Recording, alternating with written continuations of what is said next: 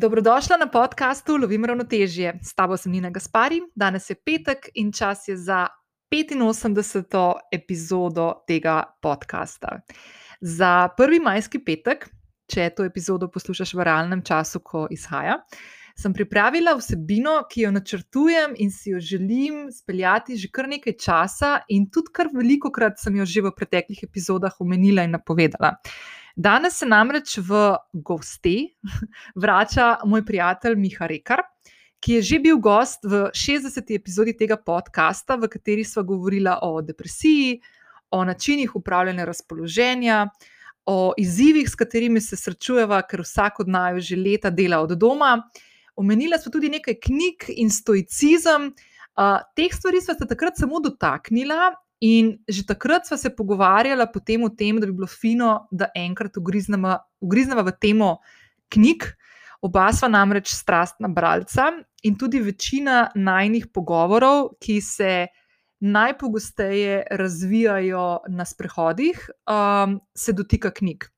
Uh, in ponavadi je to tako zgleda, da se pogovarjava, in potem Miha meni pošle en kup enih linkov uh, do knjig, ki mi jih je na sprehodu omenil. Um, kar nekaj takih, ki mi jih je že parkrat omenil, pa še nisem do teh knjig prišla.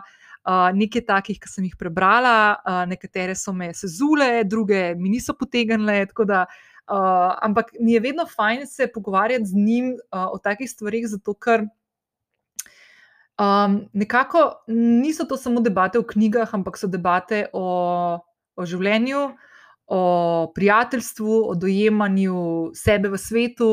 Um, tako da je take lušne, lušne debate in z Miho se vedno fajn pogovarjati. In že ko smo prvič snemali podcast, moram reči, da je uh, takrat, ko je prišel ven, mislim, da bo to malo pred novim letom, lansko leto, decembra, um, je za seboj potegnil tako en kup enih odzivov.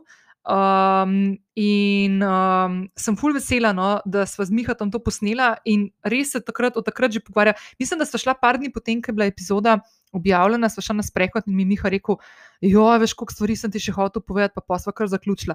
Pa mimo grede, epizoda je dolga skoraj dve uri, tako da uh, sva res fulj veliko stvari se pogovarjala. Ampak sva res takrat se dotaknila tistih tem, ki so bile takrat veliko bolj aktualne, oziroma o katerih sva želela spregovoriti, vključno z depresijo, uh, kako smo oba dala uh, te izkušnje čez, vsak na svoji strani, kaj nam je pomagalo pri upravljanju teh občutij, in tako naprej. Uh, pa o tem, kako je delati od doma, kaj pogrešava, kaj je fajn, in tako naprej, kar mogoče zdaj le mislim, da počasi uh, se nazaj vračamo malo v tisto, mal, če rečem, normalen ritem, mogoče to ni ta prava beseda, no, ampak verjetno veliko vas že dela zdaj tudi službe in tako naprej, in um, so mogoče te debate bi takrat bolj aktualne. Ampak sem fulj vesela, no, da so danes uh, ugriznila v to debato, uh, ki jo ponavadi. Um, ponavadi zaseda večino najnih pogovorov. Uh, Miha je danes delil kar nekaj uh, svojih knjig, uh, še več jih je uh, v povezavi spodaj v zapisu epizode. Uh, jaz sem kar polinkala na njegovo spletno stran, uh, kjer on zbira in zapisuje vse knjige, ki jih um, nesebično deli s svojimi uh, sledilci in bralci in sledilkami in bralkami, uh, tako da lahko tudi ja pokukaš. Uh, jaz sem delila tudi nekaj knjig, uh, ki sem jih že večkrat omenila, pa tudi veliko novih, uh, tistih, ki sem jih v zadnjem času prebrala, ali pa, ali pa jih imam zdaj na nočni v marcu in me čakajo. Mal smo razdelili tako tematike, um, začela sva uh, v, s filozofijo, s stoicizmom, ne se ustrašati tega, uh, te debate, uh, pa tega, te teme. Um, jaz verjamem, da nas je veliko, ki nam uh, filozofija ni bila na tak način predstavljena, da bi v njej videli neko um, tako zanimivo točko za diskusijo ali pa za odkrivanje neke te teme. Um, jaz pa in Miha sva pa dejansko prav v tem stoicizmu našla en tak fullušen. Um, skupen, neko, neko lušno skupno točko, o kateri se veliko pogovarjava, in v bistvu je vsa, v, v, vsak od naju tako vsak dan upleta v svoje življenje. Uh, tako da danes uh, govoriva o knjigah, govoriva o knjigah, kot so knjige za dušo. Uh, jaz sem tudi nekaj romanov naštela, uh, govoriva tudi o poslovnih knjigah, o slovenskih knjigah, slovenskih avtorjev in avtoric, o tujih knjigah, tujih avtorjev in avtoric. Um, tak res zanimiv in širok preplet, um, za katerega sem na koncu, ko smo se zaključovali s pogovorom, potegnila eno tako, um, kot nek tak recap, kot nek povzetek, ki se mi je zdel, da mi je ful dobro rado, pa ga bom zdaj ponovila. Da um, sva nekako zaokrožila v tem smislu, kako lahko tudi branje in, in uh, prebiranje različnih knjig, različnih avtorjev, različnih jezikih, različnih tematik, nam vsem skupaj odpira polje um, razumevanja sebe v svetu in sveta okoli nas. Uh, in kako nam lahko to pomaga tudi v času, v katerem živimo, ko smo soočeni z enim kupom enih družbenih in širših problematik, ki imamo včasih občutek, da na njih nimamo vpliva. Uh, pa dejansko ni čistko. In um, zdaj debato začenjamo, tako kot sem rekla, s stoicizmom in filozofijo, ki hočeš nočeš, je del naših vsakdanjih življenj, ne? pa se tega mogoče premalo zavedamo. In nadaljujeva potem skozi različne tematike, do konca, ko prideva na te malce bolj um, okoljevarstvene uh, tematike. Uh, Miha je omenil ene par knjig, uh, ki so zelo v zadnjem času um, tako zelo, zelo popularne, oziroma bom rekel, ne samo popularne, potrebne, ki se dotikajo varovanja okolja in skrbi za to, da bomo mi. Še v času naših življenj, definitivno pa tisti, ki bodo ostali za nami, živeli na svetu, ki bo vsaj približno tak, kot je danes, ne? Uh, lepši ali pa boljši in bolj bogat z naravo in živalskim svetom, verjetno težko, no, ampak da vsaj približno ostane tako, kot je na zdaj na tem že zelo izropanem uh, um, področju. Uh, in, um, in tako se mi zdi, da je, vsaj tako jaz dojemam, zdaj, ko se tudi v zadnjih letih vračam nazaj k tej ljubezni do branja. No, um, se mi zdi, da mi knjige dajo prav to, no, to neko možnost, da, da razvijam neko svoje razumevanje in svojo senzibilnost do sebe v prvi vrsti, uh, potem sebe kot uh, aktivne. Uh, Kreatorke svojega življenja, in sebe kot človeka, ki želi z mehkimi dejanji včasih um, polepšati svet, ki ga vse ustvarjam. Um, premalo se, dos, mislim, veliko krat se premalo zavedamo, da so res take mehke stvari, ki jih naredimo, uh, pomembne in da s tem vplivamo, naredimo tako verigo vpliva na tiste odločevalce, ki so nad nami in ki na dnevni bazi sprejemajo določene odločitve, ki potem vplivajo na vse nas. In to senzibilnost, uh, jaz saj pri sebi tako vidim, jo gradim predvsem skozi uh, branje knjig, tudi medijev in tako naprej, ampak predvsem knjig. In uh, sem full vesela, da smo z Miho ujela ta le najmen pogovor, ki običajno poteka uh, čez rožnik ali pa na kakšnih uh, poteh spomina in tovarištva okoli Ljubljane, da smo to uh, tudi uh, pred mikrofon uh, prenesla, posnela in danes objavljava. Preden pa skočiva v današnjo epizodo in se uh, sprehodiva skozi knjige, ki jih omenjava z Miho, te vabim, da če še nisi prijavljena na podcast, to imamo težje, to lahko storiš zdaj prek aplikacije, na kateri trenutno poslušaš to epizodo. Uh, vedno sem vesela tudi ocen in mnen, ki mi jih lahko pustiš na podcast aplikaciji, ali pa se mi, kot vedno, oglasiš v zasebno sporočilo. Najraje to vidim, da narediš na Instagramu, kjer se ti lahko najhitreje javim nazaj. Uh, zakaj to vedno poudarjam? Uh, zato, ker vsaka taka prijava ali pa vdaja ocene in mnenja na aplikaciji, pri kateri poslušaš podkaste, pomeni, da pomagaš, da za ta podcast slišijo tudi tebi podobne ženske in moški.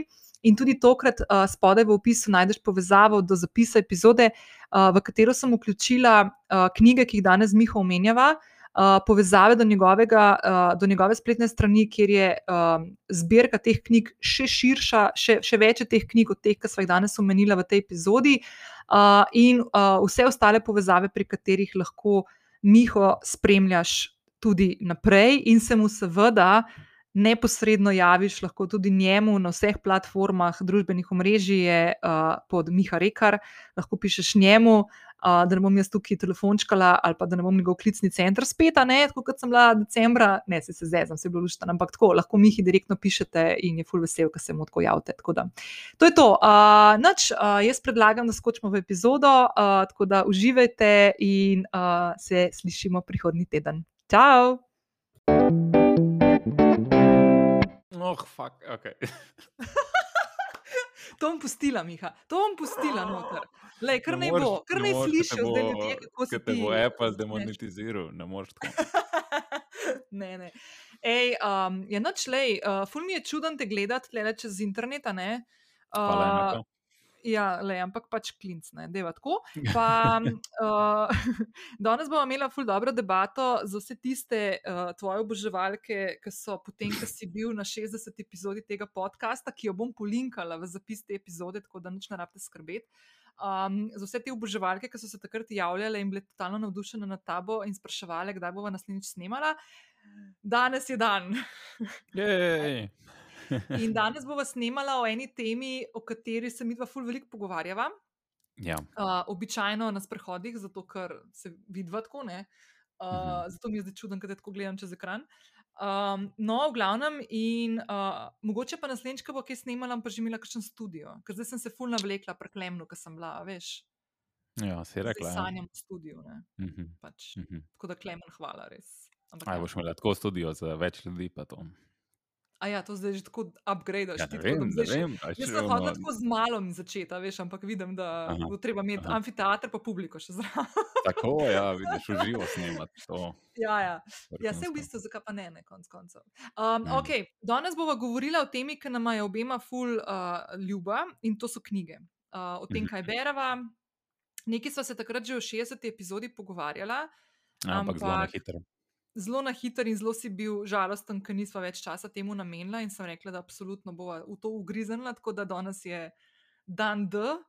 Uh, Mhm. in bova govorila o tem. Zdaj, za vse, ki poslušate, um, ne rabite nad skrbeti. Vse te stvari, ki jih bo danes omenila, bom jaz dala v zapis epizode. Ene par linkov bom dala noter, ki ima Miha že na svoji spletni strani objavljene liste knjig.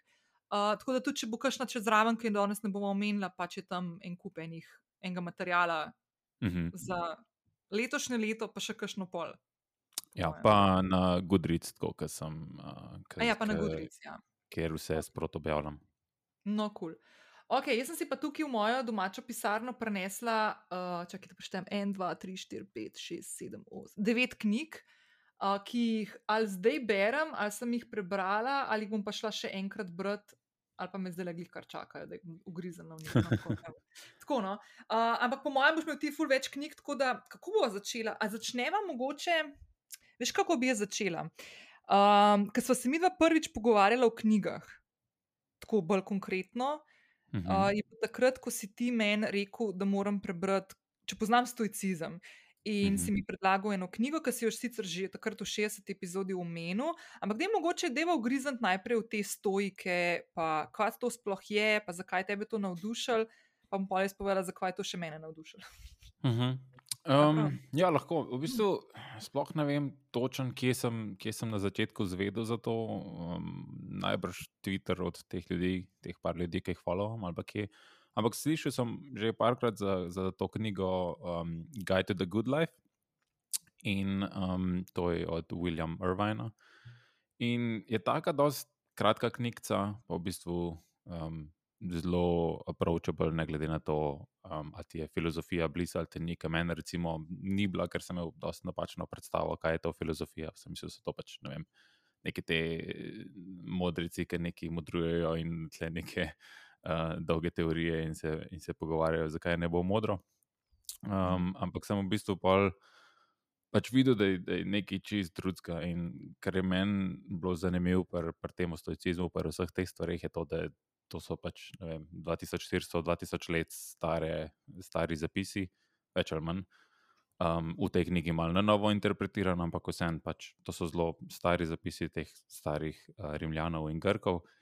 In po eni strani pač zelo zanimivo, ker se ni skoraj nič spremenilo od takrat do, do danes, um, kar se tiče razmišljanja, kar se tiče, um, kako vidimo druge ljudi, kako drugi ljudje vidijo nas um, in, in vse to. In, ja, sploh, mislim, sploh ne vem, kje, kje začeti. Ali, ali bi začela več na, na splošno opisovati stoicizem, čeprav si se, se, ga, si se ga, po mojem, že doskrat dotaknila. Um, da vem. Pa ne, se tudi, veš kaj, se tudi jaz, ko zdaj, ko te poslušam, jaz sem imela podobno zgodbo tako s filozofijo, ki mi je bila pač predstavljena tam še v srednji šoli, v gimnaziji, ko smo imeli eno leto filozofijo in sem v bistvu zdaj, ko gledam nazaj, tako kar malo žalostna, ker res niso znali nam predstaviti te teme na način, da bi Mhm. nas povlekla. Mislim, vsaj jaz imam tu tako izkušnjo za sabo, no, nažalost, da bi nas Mhm. potegnila noter in da bi, ker sem imela vedno tako, kot si ti zdaj rekel, občutek, da so bili to neki starodobni mislici, ki so razmišljali o stvarih, ki so mi totalno tuje in jih nisem štekala. Ja, modrovanje o tem, zakaj ne bo modro. Ne. Ampak dejansko ne, zdaj ne, ko, ko pa praktično dnevno preberem kakšno misel stojika, pa bo pa prišla do tega. No, vse to sem že Mhm, fulkrat mhm. omenila, vem, ampak vse vse je prav povedati večkrat, um, ker mi je res to tako fajn in dobesedno to, kar si ti rekel. Ne, uh, da je meni je najbolj fascinantno prebirati neke misli ljudi, ki so živeli res par tisoč leti nazaj, ne 2000, Mhm. 2500 leti nazaj v stari Grčiji in v starem Rimu. In ko bereš te njihove zapise, tudi ko ne gre za neko interpretacijo teh zapisov v sodoben jezik ali pa sodoben način razumevanja, ne, dejansko začutiš noter, da so se te ljudje pred toliko in toliko stoletji ukvarjali zelo podobnimi stvarmi, kot se sodoben človek. Zdaj na neki Mhm. ravni tega samorazumevanja sebe v svetu in sveta, ki je okrog tebe. Ne. Mhm. Um, in se mi zdi, da ti taka um, vsebina doskrat lahko pomaga razumeti sebe, svoje neke trenutne um, stvari, s katerimi se ukvarjaš, in konec koncev tudi svet, ki, ki te obdaja, ki ga soustvarjaš, in imaš včasih Mhm. občutek, da, da mogoče ni te povezave med tabo in svetom, pa v bistvu ni čistko. Ne? Ja, dati neko perspektivo, da, da pač vidiš, da, da, ja, da nisi prvi, ki ima neke te probleme ali pa ki se sooča z nekimi takimi stvarmi. Da v bistvu ne samo, da se tudi drugi ljudje okrog tebe z istimi problemi um, srečujejo, ampak so se srečevali tudi pač že vem, 2000 let nazaj. ne. Um, Mhm. in ne vem, mislim, da nekako to, če bi zdaj zelo povzela stoicizem, je ne- nekako bistvo, je, da um, nekako ne moreš vplivati na, na vse stvari. V bistvu lahko vplivaš na zelo malo stvari, in ne smeš dovolj, da stvari, na katere pač nimaš vpliva, vplivajo na te, oziroma na, na tvoje življenje. Mhm. In pač probaš čim več na, na ta način razmišljati, oziroma vedno, ko se ti kaj zgodi, pač. Ne vem, ne, ne, da je mokro po tleh, pa je šel avtom in pa te zalije luža. Pač, ja, ne, nimaš vpliva na to. Te je zalil, pač, zakaj bi zdaj slabe volje? ne? Pač, rečeš, ok, to se mi je zgodilo danes in Mhm. uh, lahko poveš naprej vsakmu, um, Mhm. ali, pa pač, ali pa tudi ne. Um, in greš naprej. Ni pa, mislim, da bi te v to slabo voljo spravili, v bistvu ne narediš nič dobrega, samo sam si slabše volje in, in zaradi tega imaš slab, slab dan, čeprav v bistvu ne, ne moreš vplivati na to. Mhm. Ne, to mi je ful dobro in tudi se mi zdi, da zdaj v zadnjem letu um, tega življenja v teh nekih norih časih, se mi zdi, da ravno to, ne, uh, to spoznanje, da se ljudje čist preveč časa ukvarjamo s stvarmi, ki ali se nas ne tičejo, ali dejansko na njih ne moreš vplivati. Ne. Um, Namesto da bi se ukvarjali s tistim, kar se nas tiče in na kar lahko vplivamo, kar je dejansko težko. Ne? Tako da po eni strani razumem, da včasih je zgleda, zgleda lažje, Mhm. da se ukvarjaš s stvarmi, ki niso tvoje ali pa ki se ne tičejo tudi direktno tebe. Um, čeprav to je tako kot tisto, kar smo se tudi z Klemnom pogovarjali, un citat, uh, lahke odločitve, težko življenje, pa težke odločitve, lahko življenje. To bi kar Mhm. malo sodel tudi sem. ne. Um, Mm. no, ampak, naprimer, meni ta, ta koncept um, mi je v, zdaj v zadnjem letu pa neki, no, uh, mi je fulkrat prav prišel, ker sem se zelo kaj v kakšnih takih um, mislih preseb, um, ker sem kaj tako malce zadramatizirala. Sploh lani, marca, tam, ko se je začela prvič ta stvar pri nas odvijati s korono, pa, to, pa tebe, ki si me tako dnevno preveril, če sem kul, cool, pa me je v bistvu ful opominjal na to. Ne. V, v bistvu Da- preverijo, kako imaš uh, globoke podetnjake. Ja, ja, tako kot sem spala, pa nisem spala. Ampak ja, um, no, v glavnem, in mi je bilo tako ful, ful mi je bilo dobro, ker ste takrat tako uh, preveril in me redno opominjal na, na to, da ne grem že mal. Pač ne. Da tisto, kar preberemo vsako jutro v knjigi, naprimer, no, kar jaz lahko omenim, ker sem jo že res velikokrat omenila, in to je knjiga uh, Rajna Holiday, ki ga bo danes še večkrat omenila, Mhm. uh, da je stoik, um, on je zbral tako po dnevih, se pravi 366, mislim, da je prav 300, tudi za te prestopna leta, 366 misli stoikov, ki jih potem prevede nekako v sodoben način življenja. Um, in so meni, na primer, full fajn, ko vsak dan odprem na tistem datumu, ki se pač zbudim van. Ne? In Mhm. mi je ob- občasno, oziroma pogosto mi je misel, ki jo preberem v tej knjigi, ki je zdaj že cela počečkana in si moram novo, nov izvod kupiti. um, je običajno to, um, je to neka istočnica, pa tudi za pisanje dnevnika. No. Ponavadi se vedno tako zgodi, ne, da, da, da se nekako znajde neka misel, ki te tako, tako zaposluje v tistem nekem obdobju. Ne. Mhm. Uh, da, ja, Ja, ta knjiga je tudi fan, da jo v bistvu dejansko bereš tako, kot je ti, se pravi, da, da, jo, da jo vsak dan pač odpreš tisti dan, kjer je. In, in pač tam bereš. Uh, je zanimivo, da jo pač eni berejo od začetka do konca, tako kot recimo navadno mm -hmm. knjigo, um, ker se mi zdi, da je pač lahko malo um, mal preveč, malo overwhelming, ker je, um, ker je tako skoncentriran ta, um, um, ta filozofija, da, da mogoče gre pač čez glavo. In se mi zdi pač. Doskrat tudi ena, recimo, fina knjiga je od Epiktetusa prevedena, zelo stara, um, ki je, ne vem, 40 strani vse skupaj. In je zelo malo teksta, ampak um, to je uno. Prebereš dva stavka, pa pa razmišljaš eno uro v teh dveh stavkih. Mm -hmm. um, se mi zdi, da je dosti teh knjig takih in, in zaradi tega, mogoče ljudje to ne marajo filozofije, ker pač uh, padeš v neki tacga.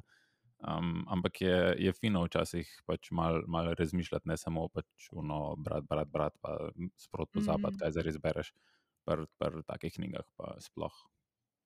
Ja, mislim, da v bistvu so te teme, kot so um, fajn, pa to so lahko tudi težke. V bistvu, kot si rekel, ja, zaposlijo ti ful.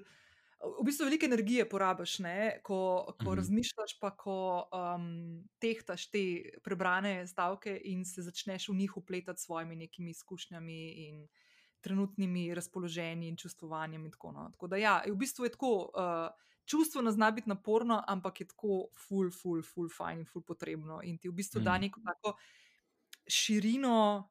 Um, sploh za vse tiste, uh, ki imate kdaj tako občutek, da se stvari samo vam dogajajo, ali pa to, to je ta ego moment, ki imaš občutek, da si ti center sveta, sicer si svojega življenja, ajde, ok, ne, mm -hmm. ampak ne, pretirano razmišljanje v to smer je, je pač problematično, oziroma sporno, napačno, ali pa, ali pa znate mm. peljati v napačne smeri v življenju. Uh, in je pol fajn take stvari prebirati, ki ti začnejo malo rušiti neko zavedanje o sebi in o svetu, ki ga ustvarjaš. Ne. Zdaj, ki že omenjaš ego, ne pa Rajana. Um, Rajan ima tudi eno fino knjigo, uh, Ego is the Enemy, oziroma je tako nekako tri knjige v enem, ki so, so bile mišljene pač kot vsaka posebej, ampak so nekako zdaj sestavljene neko trilogijo. Um, mm. Obstacle is the way, ego is the enemy, pa stillness is the key. Um, ki so vse v bistvu ja, uh, okrog stoicizma in, in se pač lotevajo vsake ene teme, um, in lahko priporočam vse tri.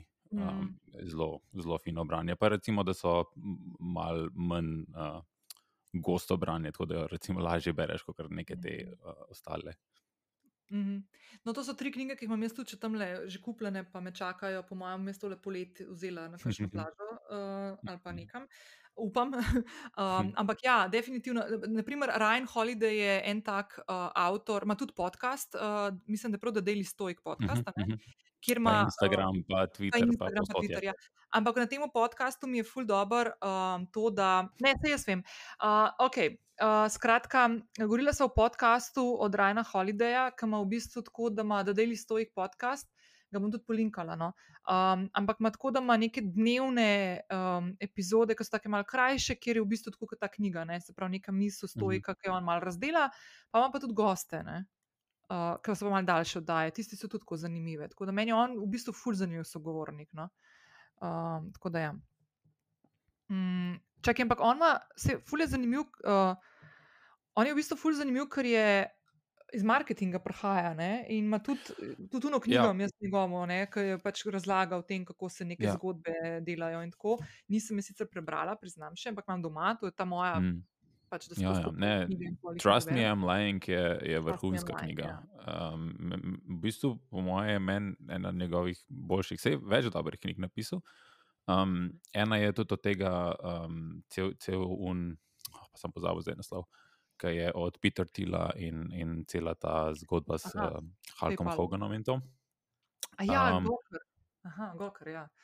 Ja, ja, ja, to je tudi recimo fin, ki je v bistvu nek, nek tak popis vsega, kar se je dogajalo, pa zakaj je prišlo do tega. Ampak ta Trust Me, I'm Lying je pa tak. Um, uh, v bistvu, ko to knjigo prebereš, radaš malo žalosten, ker vidiš, kako hiter in kako enostavno je medije zmanipulirati. In v bistvu točno to se dogaja zdaj pri nas, um, vemo iz, iz kere strani. Um, ampak, ker začne se tako, pač imaš neke, ne vem, neke, v narekovajih, tot liderja ali pa nekoga, ki pač ima nek Twitter kanal in, in sistem. Ja, ja, in si pač um, uh, si med sabo, recimo, retvitajo in deluje, kot da imajo nek, uh, neko občinstvo, čeprav ga mogoče zares nimajo. In pol je to objavljeno na enem blogu in na drugem blogu, in uh, pol mogoče povzame ena novičarska stran, povzame ena malce večja novičarska stran, in kar naenkrat je to novica, čeprav je lahko vse totalno zmišljena. Um, in, in ja, on v bistvu razlaga, kako so oni to delali uh, na konkretnih primerih. In, Um, ja, priporo, priporočam za brati, nima nadzveze s stoicizmom, uh, je pa, je pa ja. reda knjiga. Mislim, se tako ne, če smo čist, uh, čist iskreni. Um, to, po mojem, take debate in tako znanje bi lahko vsak od nas, uh, ki pač živi v neki družbi, ki je v bistvu vsaka družba na svetu, pač družbi, ki jo pač. Ustvarja neka tudi medijska realnost, ne, uh, ali večji ali pa manjši del, pač odvisno od vsakega posameznika. Je to, po mojem, en tak, um, kako bi se temu rekel, higijenski minimum, da bi se pač te stvari tudi malo učili, kako to, mm -hmm. kako, kako, kako, kako se potrošniško obnašati tudi do medijskih vsebin. Um, mm -hmm. Kako biti kritičen do njih, mislim, konec koncev, do vseh, ne tudi do tistih, ki nekako uh, so ti bližje po neki vrednostni lestvici ali pa prepričanju. In tako naprej. Ne. Ja, do teh mogoče še bolj, da, da, da pač ja, res. Um, Ja. Ampak da se pač ve, ne, da, da te medijske vsebine so, so ustvarjene vedno z nekim interesom, ki je lahko interes ali novinarja ali pa medija, lahko je interes neke zunanje osebe, pa je lahko politika, lahko je gospodarstvo, lahko je ne vem, celebrity, whatever. Ne. Ampak dejansko tukaj gre za res tak zanimiv preplet stvari, ki jih ljudje, ki se nikoli niso posebej ukvarjali s tem, ne razumejo. Zato pač tudi jemljajo potem te medijske vsebine kot zdravo zagotovo. Ne? Če pa pač v, v nekem mm. mediju ali nekaj piše, ali pa so povedali, ali pa objavili, vid, mislim pač ne vem, na poročilih, pa to, da pol je mm. pač to, če vse se res ne. Ni nujno. Ja, na splošno manjka nek ta uh, kritično razmišljanje. Ja, ja. ja. Ja. Uh, tako da, ja, to je definitivno. No, tako da ta knjiga, če koga zanima, uh, Trust Me, I'm Lying, je, je fult za, ta, za, za, za to. Mislim, mislim, da bi lahko biti to skupaj s tem, kako se uporablja državna mreža, po mojem, kar en tak predmet v osnovnih šolah. Že. Ja, tle, tle lahko spet en cel poglavje odpreva samo tega, ampak te varaš ne. Za naslednjo debato. Ok, ampak dobro, zdaj ta Rajna Holiday reče, da smo obdelala. A sva stoicizem tudi, ali bi še ti kaj dodal, da mi ne boš pol naslednjem sestanku. Prehodil rekel, spet nisem povedal. Ja, mislim, zelo težko je tako v tako uh, kratkem času povedati, kaj in, in kako. In tudi definitivno ni to filozofija za vsakega in, in nočem, nočem to govoriti, ampak si pa želim, da bi si vsak prebral vsaj nek ta, um, recimo, ja, I'll Guide to the Good Life ali neko drugo tako knjigo, da dobi nek. Mm uh, nek šnel kurs, nek hiter pregled, kaj, kaj obstaja um, in kaj, kaj to je, in, in kako v bistvu na ta način razmišljati. Ker pač vem, kako je meni pomagal, vem, kako je kolegom mojim pomagal, vem, recimo, tudi kako je te pomagal. Mm. Um, in um, ja, ne vem, zakaj ne bi tudi poslušalkam in poslušalcem. Mislim, tako um, zavedati se je treba, ne, da kakorkoli ti je ta tema uh, ali tuja. Ali kol, mislim, jaz, ki zdaj nazaj gledam, ker jo nikoli nisem neki posebej se z njo ukvarjal, ampak dejansko je vsak naš dan prepleten s filozofijo. Ne. Vsa mm. naša razmišljanja, vsa naše to interni dialogi, ki jih imamo sami s seboj, uh, samo refleksije, to je vse del tega. Um, in pač je fajn, če imaš pol še neke take malo bolj mogoče uprijemljive stvari, ko lahko. Mislim, veš, ko si, po mojem, si tako ful predstavljamo, jaz vem, no, zdaj tako v zadnjih letih. A veš, ko sem pomislil na filozofijo, sem se spomnil na slavo Žižka in mi je mrak noči padel, zato ker pač meni njega ful težko poslušati. Mislim, ful mi je zanimiv, pa vse, ampak meni je on tako all over the place, da ga ful težko poslušam. Ne? Te mhm. razni Peterson in podobni meni pač nekako ne potegne, naprimer, ne. Uh, ti si ga malo bolj študiral, pa to pa si Mislim, tudi ne, ne me zdaj. študiral. Pa ti ga prebral, jaz pač tiste stvari njegove Nisem. nisem brala. No. Šel sem brati knjigo, ker me je pač ja, iskreno zanimalo, ker um, Ja. mislim, da pač, ja, v, tudi pač se ne strinjam z njim v veliki večini stvari, ampak jaz mislim, da vse je pač fajn da boljš razumeš pač človeka, s katerim si, se Mhm. ne strinjaš. In, ampak sem po tretjini knjige samo obupal, ker Mhm. Je ne vem, mal, mal preveč krščanska, pa, pa taka za me in enostavno nisem, nisem mogel več. Ampak um, ja, um, pač, mislim, da imamo na splošno napačno predstavo, kaj, kaj sploh filozofija je, ker nam je bila predstavljena na napačen način, ali pa nam sploh ni bila v času, na katero pač nismo mogli tako razmišljati, ali pa nismo bili pripravljeni tako razmišljati.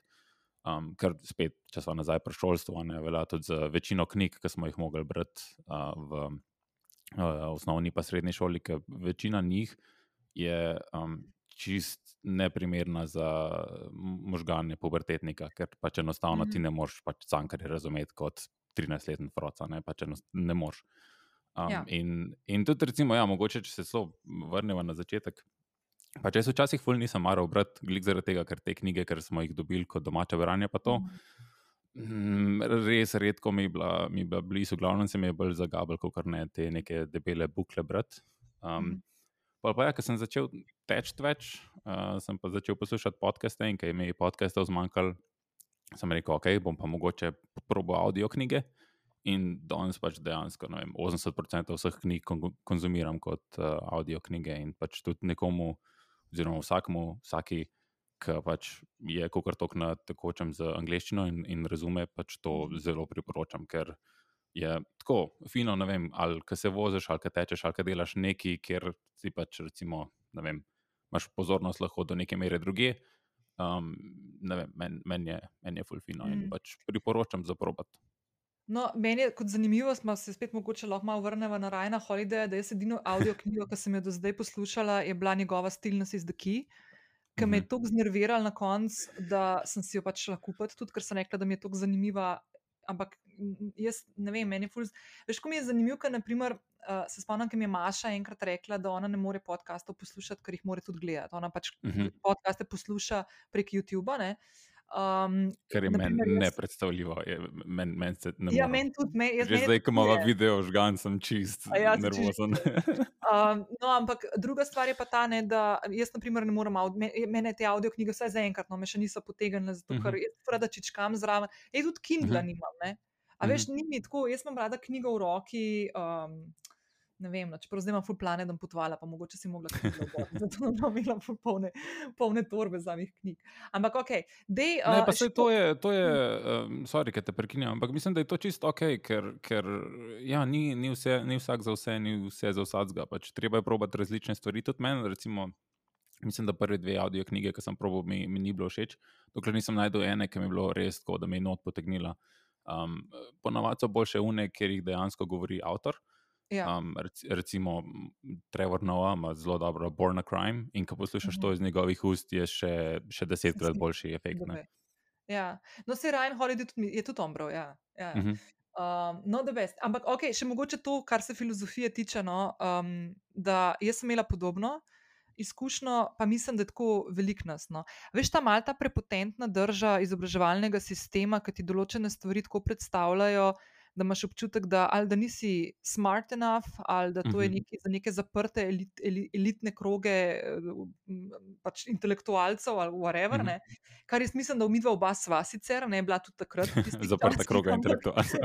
ne da zaprt, ampak sva bila tako inte- intelektualno uh, zrela in tako, da bi kakšne take stvari, če bi bile na drugačen način predstavljene, razumela, verjetno tudi takrat. Ne. Mislim, da je bila filozofija v zadnjem letniku gimnazije, a ne neki tasga. Ja, jaz, jaz je nisem imel, ker sem hodil na tehniško gimnazijo. Ja, no, ok. Ampak recimo, ja, ne, tudi kar se samih knjig tiče, res ti kot ne vem, 14-letni frot ne moreš razumeti ne franske, ki teče za vozom, ker ne veš, da je to prispodoba, ker ne veš, kaj je to, kakšen je to live, uh, ker, ker, ker ti manjka pač ogromno nekih izkušenj, na, podlagi kjer, jih lahko razumeš, sploh take knjige, ki drugače pač ne moreš.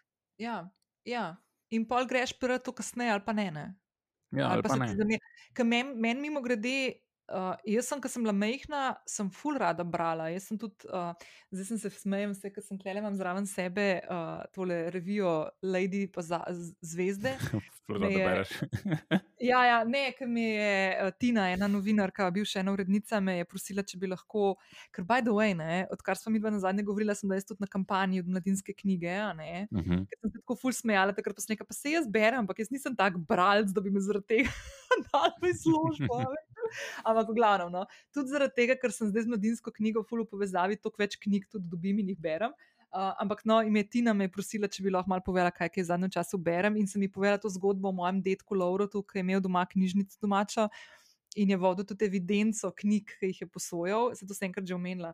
Uh, tako je prav uh, zvezek, v katerega je pisal, kdaj je komu kakšno Hm. knjigo posodil. Vsaka knjiga je bila tako št- poštempljana, Lauro, Gaspari, noter. Uh, in jaz sem furada brala. No? Pa se mi je pa branje, pa vsa ta literatura se mi je tako malo zamerila tam v tistem obdobju drugega dela srednje šole, pa kasneje, ker smo res bili tako. Pismo smo dobivali neko tako branje na trenutke, ki si sam mislil, seriously. No.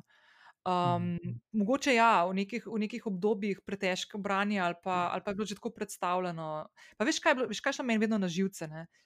Ker smo mogli te interpretacije delati, in, in jaz nikoli nisem čisto dobro razumela, kako Mhm. lahko nekdo v 20. stoletju dela neko interpretacijo tega, kaj je nek Homer, ki je pisal Mhm. uh, Kaj je hotel Iliado. pesnik s tem razmišljal. A povedati? Veš, ker, mislim, ker si lahko jaz čist druge stvari predstavljam, kot moja učiteljica. In moja učiteljica je pač potem na testih pričakovala in zahtevala, da povem tisto, kar je povedala ona. Ne.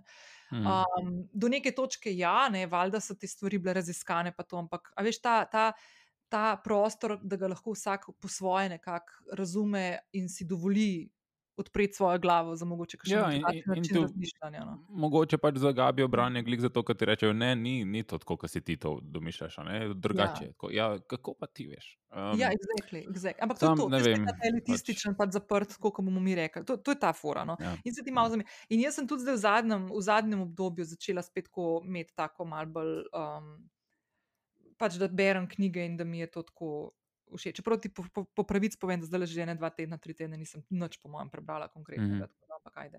Ok, pejva naprej. Uh, kaj narediva zdaj? A boš ti pogledal tisto tvojo listo, pa boš povedal še kakšno stvar, ali kaj narediva? Ali ti Moja, kaj- lista je zelo dolga in to je short lista, ki jo zdaj gledam in je pač malo velik. Ampak uh, recimo, eh, da grem lahko tako, da se malo dotaknem, ker smo govorili od um, izobraževanja. Mislim, da si ti tudi to brala, Educated od Oh. uh, Tare, od, uh, Tare.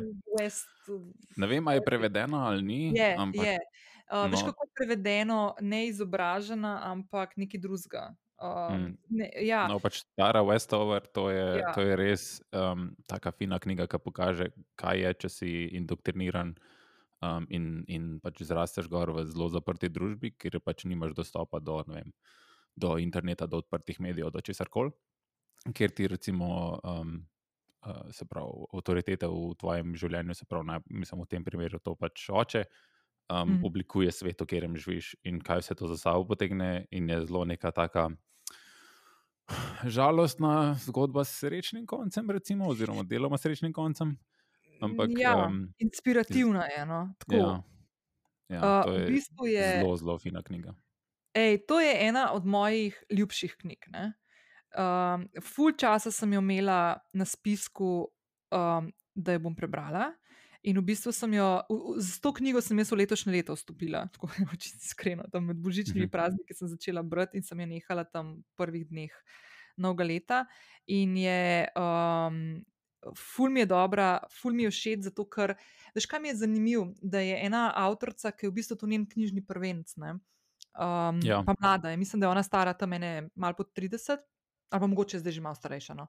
Um, ampak je uh, težko je uh, enemu novemu avtorju na trgu priti ven z avtobiografijo. Ne. Je pa ta Mhm. njena zgodba tako zanimiva, ker je res, kot si ti rekel, da je odraščala. Se ne bova odkri, razkrila preveč. Če kakšno knjigo, poleg teh stojkov, pa to, no, se pa bo na koncu rekla, da še kakšno, no, ampak ta knjiga je tako, jaz jo res tako priporočam vsakmu. No. Uh, tudi, Mi- predvsem Mislim, da vse knjige, o katerih bomo danes govorili, Ja, ja, ja, itak. vsakmu. Ampak, No, okay. ampak ajde. Ja, ja, ja. Ne, sam tam je tako res. Um, veš, kaj mi je tle v tej knjigi, se mi prepleta tako fulejnih stvari. Ena stvar je to, kako pomembna je izobrazba, pa koliko v bistvu po drugi strani ni pomemben, iz katerih koncev Mhm. prihajaš. Oziroma, kako je tvoje življenje potekalo, vsakič, vs, praktično v vsakem trenutku življenja imaš možnost, da se odločiš, kako uh -huh. hočeš svoje življenje pelati naprej. In konkretno v primeru Tare je, da mislim, da je bila ona stara 16 ali 17 let, ko je prvič stopila v učilnico v šoli, ker prej je bila šola na doma. Uh, V eni fanatični, versko fanatični. Na rekovajih. Šola, mislim, ja, pač ne šolanje, kot so si ga njeni starši, verski fanatiki uh, predstavljali. Um, in je prvič ne samo s šolo imela stik, ne pa izobraževalnim sistemom, ampak dejansko s svetom zunanjim, zato ker tudi mm. takrat je prvič šla praktično iz tiste kmetije, kjer je živela, konc koncev pa tudi, mislim, oni tudi zdravnikov niso obiskovali, pa nič, ne, to je mm. pač mhm. to res bilo. Ne, tisto, kar bereš, kaj vse se je ne zgodilo, tako, kako si še živa. No. Ja, ja, ja, noro. Ne. In pol valjda ta njen osebni boj, ne, eh, prvič z družino. Uh, z očetom, predvsem z očetom, ki pač ni mogel razumeti, da gre študirati, pol ta njen osebni boj, ki je pa ta preživetveni, oziroma ta nora želja potem, da čim več, da nadoknadi vse tiste zgubljena mm. leta, ko, ko ni vedela, ko ni, ko ni bila pač v šoli in ko ni dobivala tega prenosa znanja do sebe. Uh, in da je punca, mislim, da je v manj kot desetih letih naredila doktorat na Cambridgeu, ne, mislim, da je tako bolano. Mi, mi, mm -hmm. je huda zgodba. Res, uh, to je knjiga, ki po mojem, ne vem, jaz mislim, še še bratno, ful mi je debes. Mm -hmm. Pa še ženska v ta moment, pa to je res tako kul cool knjiga. No. Tako da ja, mm -hmm. strinjam. Ja, ne, se strinjam, res. Um, tudi, je, tudi v slovenščini je mladinska knjiga, vem, da jo prodaja. No, no odlično. Um, ja.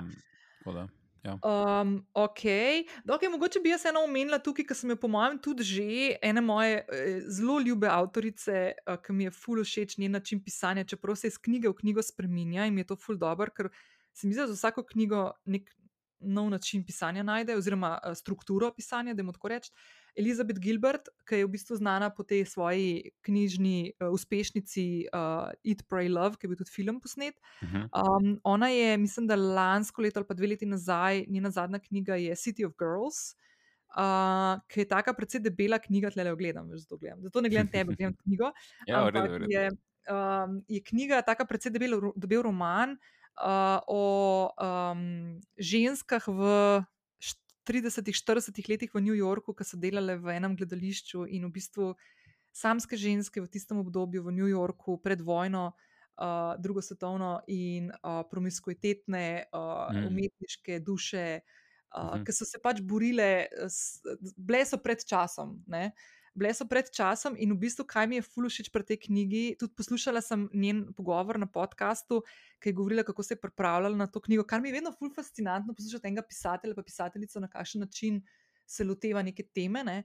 kako je v bistvu, kakšne, um, kakšne raziskave delala o tem, kako so bili oblečeni, kako so se pogovarjali, kje besede so uporabljali, kakšen je bil New York takrat, kaj vse se je dogajalo zgodovinsko gledano in tako, da, to, je umestila to zgodbo v nek prostor in čas.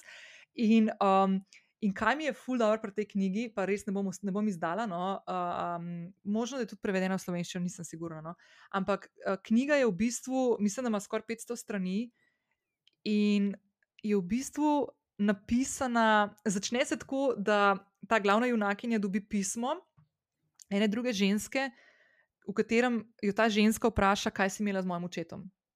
Uh. In potem je v bistvu ta, ta cela knjiga, je pismo, ki ga ta glavna junakinja piše te ženski nazaj.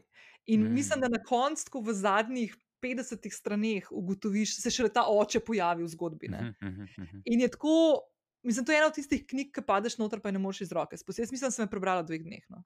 Tako, mm. top. Ja, ne, ne, ne poznam, ampak uh, si, si bom zapisal, oziroma bom uh, vzel okay, tvoje posodla, zapiske. ja, ok, pa še ena knjiga, ki sem ti jo jaz posodila, uh, pa si mi jo že vrnil, pa moram zdaj naprej ja. povedati. Je pa ja. uh, Bilo se pere na 90 slovenske avtorice, Bronje Žakljate. Ja, ja, tudi... Še kakšno slovensko vmes. Ja, dej bova, se bova. Ampak veš kaj, tam je pa full dobro. Mislim, da je ta knjiga dobila dve leti nazaj, ker snika tudi. Um, in mi je pa knjiga, ki sem, se, sem imela nekaj časa doma, pa je nisem hotela brati, zato ker sem rekla, sploh lansko leto, da je že toliko enih teh šitev poslušam vsak dan, da ne morem brati v knjigi, za katero vem, da je notor veliko bolezni pa smrti. Uh mhm. -huh. Ampak je pa tok življenja polna knjiga na koncu. Uh mhm. -huh. Zdaj, Ja, tako, pri meni je bilo zanimivo, ker v bistvu sem zvedel zelo, zelo malo o tej knjigi, pa tudi um, jaz sem mogoče glih malo premlad, da bi dojel na prvo polovico te knjige. In se mi Aha. je tako, pač, čisto iskreno, prva polovica se mi je tako pač malo vlekla, zato ker nisem imel nekih, ne- nekih svojih stvari, ki bi jih lahko na to apliciral. Ker vidim, pač, kako si ti brala to, ko so moji starši brali to knjigo, ki imajo res Mhm. pač te flashbacke in vse to. Uh, ampak ona druga polovica je pa, je, je pa zelo, zelo dobra. In knjiga, in napisan, in vse, in, in te potegne not. In mislim, da, da sem prebral tako um, res, res zelo hiter. No, No, ampak to, kar ti se je govoriš, enkrat začela. Ja, to, kar ti govoriš, da nisi čisto dobro razumel, mogoče tako za poslušalke in poslušalce, da knjiga se v bistvu dogaja tam, v, veliko se dogaja v 80-ih letih, sprav še bivša Jugoslavija. Tako da jaz, Mm. mm. na primer, ker sem ene deset let starejša od tebe, ne, jaz se spomnim tega. Ne, sicer ta Bronja je še par let starejša od mene, tako da ona je bila že starejša, ki je doživljala te stvari kot jaz, ki se spomnim tega kot otrok. Mhm. Uh, tako da imam jaz tudi nekako tako na pol neke te momente. Ne? Ampak ja, so pa določene stvari, ki se jih pa spomnim, oziroma nek.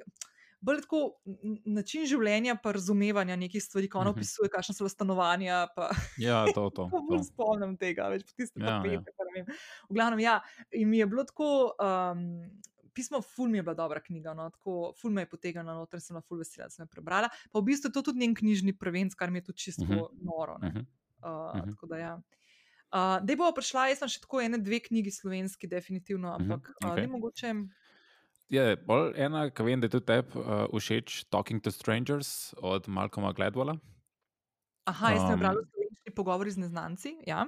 No, to tudi je ena od teh, ki jih zelo, zelo priporočam kot audio knjigo, ker je narejena zelo drugače kot kjerkoli druga audio knjiga, ki sem jo do Mhm. zdaj poslušal, ker je v Mhm. bistvu narejena kot nek podcast. Uh, in in um, vse te, vsi ti Mhm. neznanci so dejansko noter, ki govorijo. In je v bistvu tako kot nek zelo, zelo dolg, zelo dobro sproduciran dolg podcast. Um, in, Mhm. in se bere, mislim, posluša zelo dobro. A to on bere? On bere tiste Najbolj. dele vmes, um, medtem ko neznanci pa dejansko govorijo. Aha. Um, in, in da neko to dodatno dimenzijo, ki slišiš pač te črnke, ki govorijo, ki slišiš pač nek ta. Aha. Že v glasu slišiš, da, da, da, da, brez da bi preveč izdal v knjigi, ampak um, to, da, da imamo neke stereotipe v glavi, v drugih ljudeh, uh, ki jih zelo težko odstranimo, razen če te ljudi pač spustimo blizu teh ljudi, pa načeloma, drugih ljudi načeloma ne, ne spuščamo blizu, mislim, da v Ameriki še toliko bolj. Mhm. Um, in, uh, in ja, zelo, zelo dobra knjiga, se res priporočam kot au- audio knjigo. Mogoče kot za poslušalce, ki, ki, poslušalke, um, ki poslušajo pač, uh, podcaste in so mogoče bolj navajene tega formata, je mogoče en tak lep most iz podcastov v, v audio knjige. Aha, top. Uh, no, jaz sem to knjigo brala v slovenščini, um, pa to je v bistvu moja prva knjiga od um, Malcolma Gledwalla, no, ki ga Mhm. drugače ful rada poslušam, um, podcaste njegove, pa tam, ki gostuje. Um, in mislim, da je on uporabil to besedno zvezo v slovenščini privzeta resnica. Ne? Kako, Mhm. uh, kako mi v bistvu ustvarjamo neke.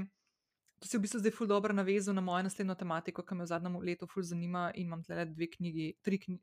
Dve knjigi na to temo, uh, v katerem moram še ugrizati. Ampak um, on v bistvu govori o tem, in tudi na različnih um, casih. Ne? Uh, naprimer, ena taka ful znana je ta Amanda Knox, ki je, bila, uh, v, ki je študirala v Perugi v Italiji in so njeno cimro našli ubito. In še do danes, in bila tudi ona zaprta s svojim fantom, in še do danes ne vejo, če je bila kriva ali ni bila kriva. Ampak v bistvu on tako res ful dobr in zanimiv razlaga teme, ki so tako.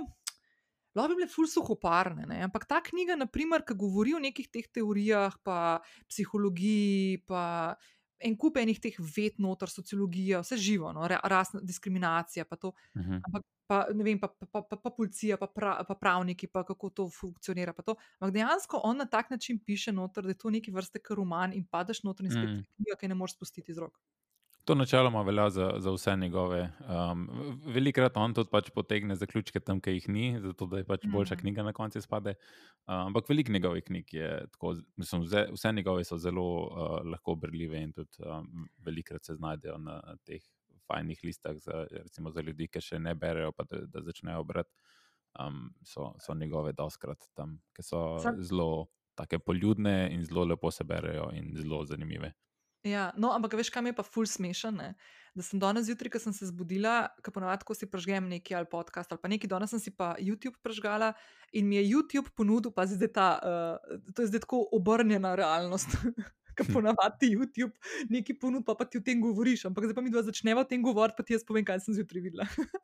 ampak YouTube mi je ponudil Joe Rogna, um, z Malcolmom Gledwellom in sem dejansko gledala par minut, ko sta govorila o tem, kaj je Bernie Madoff, ta, ki je zdaj umrl, ta Ponzi schema, ki je bil ki je nategnil ne vem koliko ljudi v 20 letih za nekaj milijard uh, dolarjev, ki so investirali pri njemu. V glavnem, no, in se o tem pogovarjata, no, kar je spet v bistvu prišlo ven v času te pri, pač pogovori z neznanci knjige. No, da, ja, no, skratka, ful zanimivo.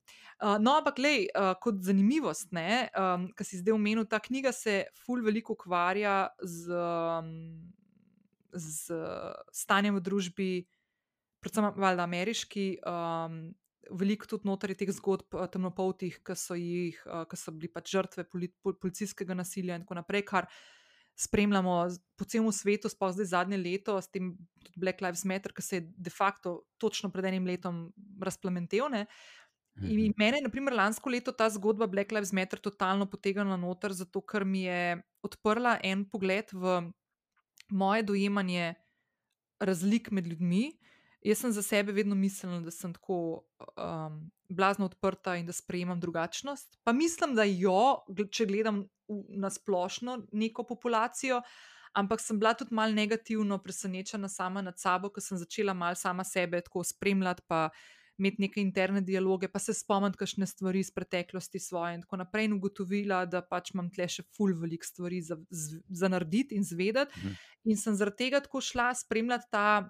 Um, sistemski rasizem ameriške družbe, no, tu- tudi širše, ampak predvsem ameriške družbe. Mhm. In sem v bistvu imam tle dve knjigi.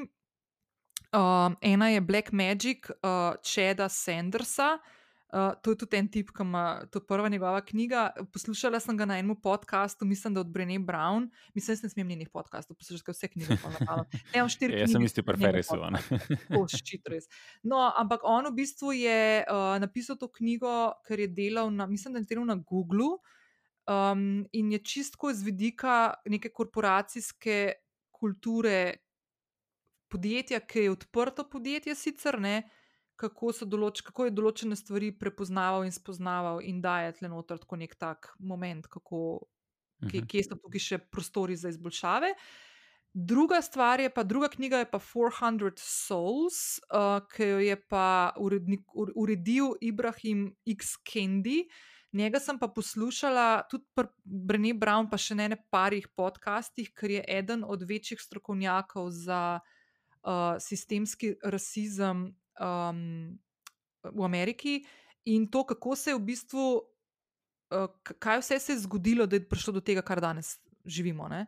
Uh, to so stvari, ki so pač stare 400 let, ne? to ni zdaj od včeraj ali pa od predvčerajšnjem, ne? ali pa od zadnjih 40 let. Da dejansko, dejansko je to zdaj tako. Um, Ful je kompleksna stvar. In meni se zdi, no, spet še ena taka stvar, ki se mi zdi, da bi vsak od nas, ne, malo te stvari bilo vseeno fajn, da se jih malo spremlja, čeprav mogoče niso problematika neke naše družbe, ki ni tako ra- rasno Je razslojena. in sam pač ne različna, ne. rasno, ampak bolj Je pa mogoče. etnično, versko, Tako. pač nacionalno in tako ne, vseeno, ne smo, nismo glih sam neki slovenci. a Ne, tle.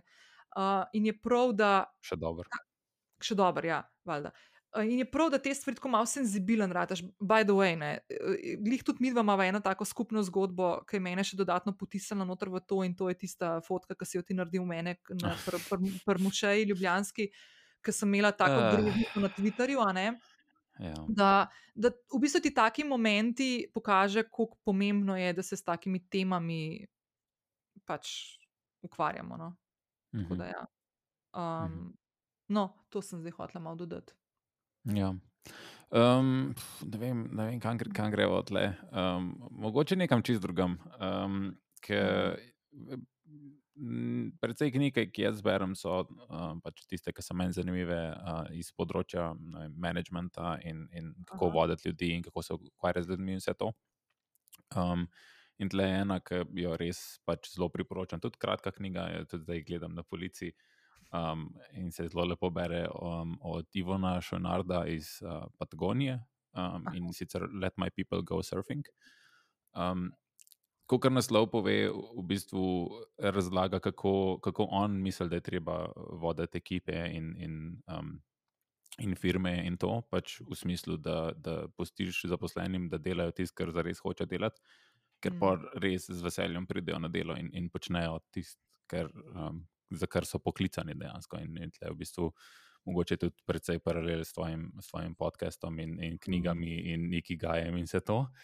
Um, mogoče malo na, na drugačen način, ampak oni so, pa cela ta Patagonija, oni so tako na pol hipi um, in um, zelo jim pomeni um, pač odnos do narave, odnos do okolja, odnos do pač so ljudi in vsega od tega okrog. Mhm. In, in ta knjiga res, res na kratek in jedrnat način razloži, kako, kako on vidi, da je treba voditi ekipe, oziroma kako, um, kako se njim izkaže to kot zelo dober, ker so tudi zdaj že zelo dolgo zelo profitabilni in zelo velik firm si želi biti oni, ampak nočejo narediti vseh teh stvari, ki bi jih pač mogli narediti. Ne? Ker pač najlažje je, ja, mi hočemo biti tudi taki, a ne, ampak mi bi pa neko bližnjico. Ne?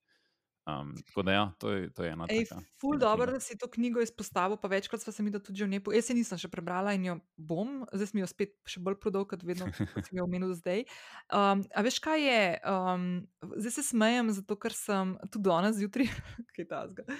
Um, šla malo pogledat, ker sem prejšnji teden gledala eno oddajo na nacionalki in sem bila totalno presenečena nad tem, da so. Um, čakaj, kdo je dal to ven? Global Talent Survey 2020 um, je raziskava globalna, tudi v Sloveniji. Slovenija je sodelovala prek mojega dela.com uh, o tem, uh, kaj ljudje, ka, kakšne so spremembe na trgu dela. K- Kar se tiče Mhm. tako, um, kako delavci, uh, ljudje, mi, ne, uh, gledamo na delo, kaj pričakujemo uh, od dela, od delodajalca, od okolja delovnega in tako naprej. In ena Mhm. stvar, ki me je ful razveselila, podatki za Slovenijo, ki so pokazali, uh, če zdaj bom fo- profotko uh, odprla, ki sem si fotkala. Uh, vrednote in preference pri delu Slovenija 2020 um, je med, na prvih dveh uh, mestih. Na prvem mestu je dobro odnos s sodelavci, Mhm. na drugem mestu je dobro usklajevanje poklicnega in zasebnega življenja, kar bi lahko rekli Mhm. življenje ravnotežja med tema dvema Ja, ja. stvarima. Work-life balance po Exactly. uh, domače. Exactly, ja. In na osmem mestu je šele finančna kompenzacija oziroma plača. ne. Um, Mhm. ampak kaj je pa najbolj zaskrbljujoče in žalostno, in jaz sem ful vesela, da se te tematike zdaj tudi odpirajo uh, širše, globje in tako naprej, je to, da zdaj mogoče bom rekla, kakšno, jaz bom naredila en podcast prav na to temo, ampak um, mislim, da je bila celo informacija o tem, da ne bi bilo okrog 80 odstotkov ljudi, ki mislijo, da imajo delo, ki nima smisla. Ne? Mhm. kar se mi zdi tako šokantno in zaskrbljujoče. Um, ne? in to, kar ti pol omenjaš, uh, ki imaš pol tako podjetja, ki postavljajo smiselnost, pa strast, pa to neko, neko širšo perspektivo v svojo misijo ali pa vizijo ali pa svoj Mhm, zakaj. mhm. Ne? In se s tem pač Mhm. poistovetijo vsi, od zgoraj do dolne. Um, se mi zdi to ne samo to, da je nujno, ampak pa, pa da je stvar prihodnosti, je že stvar sedanjosti. Zato, ker ko pogledaš te podatke, kaj tudi ljudje želijo, ne, so to stvari, ki jih bojo mogli podjetniki, delodajalci, konec koncev države, začeti resno v njih ugrizniti. No. Um, tako da, ja, uh, še ena taka tema. Pa, by the way, ko smo že glih pri tem, jaz imam tle le še eno knjigo, ki jo, by, ki jo še nisem, sem jo preletela. Uh, je pa od Simona Sineka, ki je tudi eden od teh. Tudi Find Your Why, pa to njegova knjiga, je bila meni tudi Mhm, taka pomembna, pa istočnica, ker sem jaz delala ta delovni zvezek. Kako najdeš svoj zakaj, je pa The Infinite Games, oziroma kako bi rekel temu, uh, igre, ki se ne končajo, ne, ne zaključene igre. Kako živeti življenje z mentaliteto, da igraš igro, ki nima konca. O tem sem že ful govorila, ker sem to jaz lani začela malo bolj se spoznavati s tem pojmom, ko sem hodila na ta Leader in Flow program. Uh, je par knjig na to temo narejenih, no, ampak uh, meni je to razmišljanje, da nisi konstantno usmerjen v cilj, ampak da veš, kam greš, vem, ka, veš, kam želiš iti, pustiš ti to fleksibilnost in pluješ po tej poti. Mhm. In v bistvu uživaš v trenutkih, uh, v, v, vidiš tudi stvari, mehke korake, večje korake, trenutke, ki se zgodijo vmes, pluse in minuse in vse, zato ker nisi osredotočen samo na cilj. In se Ne vem, če si ti to ful dobro. brala, ampak um, mogoče uh, podobna knjiga, oziroma pač k, bolj na konkretnem primeru od Phil Knighta, od Nike, uh, Shoe Aha. Dog. To si mi tudi že Um, rekel, nisem Sem, moral. sem že rekel že velikrat, ker je, ker je tako dobra knjiga, tako se fajn bere, um, ker v bistvu. Ker zdaj vemo, kaj je Nike. Pa je, Nike je ena najbolj prepoznavnih, največjih firm, firm na svetu. Ne? Pač uno, un logo vidiš na 10 km, pa veš, da je Nike. Pa lahko živiš nekje po Saharski Afriki, pa boš vedel, kaj je unakljubca Ja. od Nike. a ne. Um, in, in ta knjiga je zelo tako zanimiva, uh, kot se pač, si rekla, če imaš nek zakaj, če pač imaš nek cilj, kamor hočeš priti, kot ga je imel on, ki je pač hotel narediti nekaj iz te firme.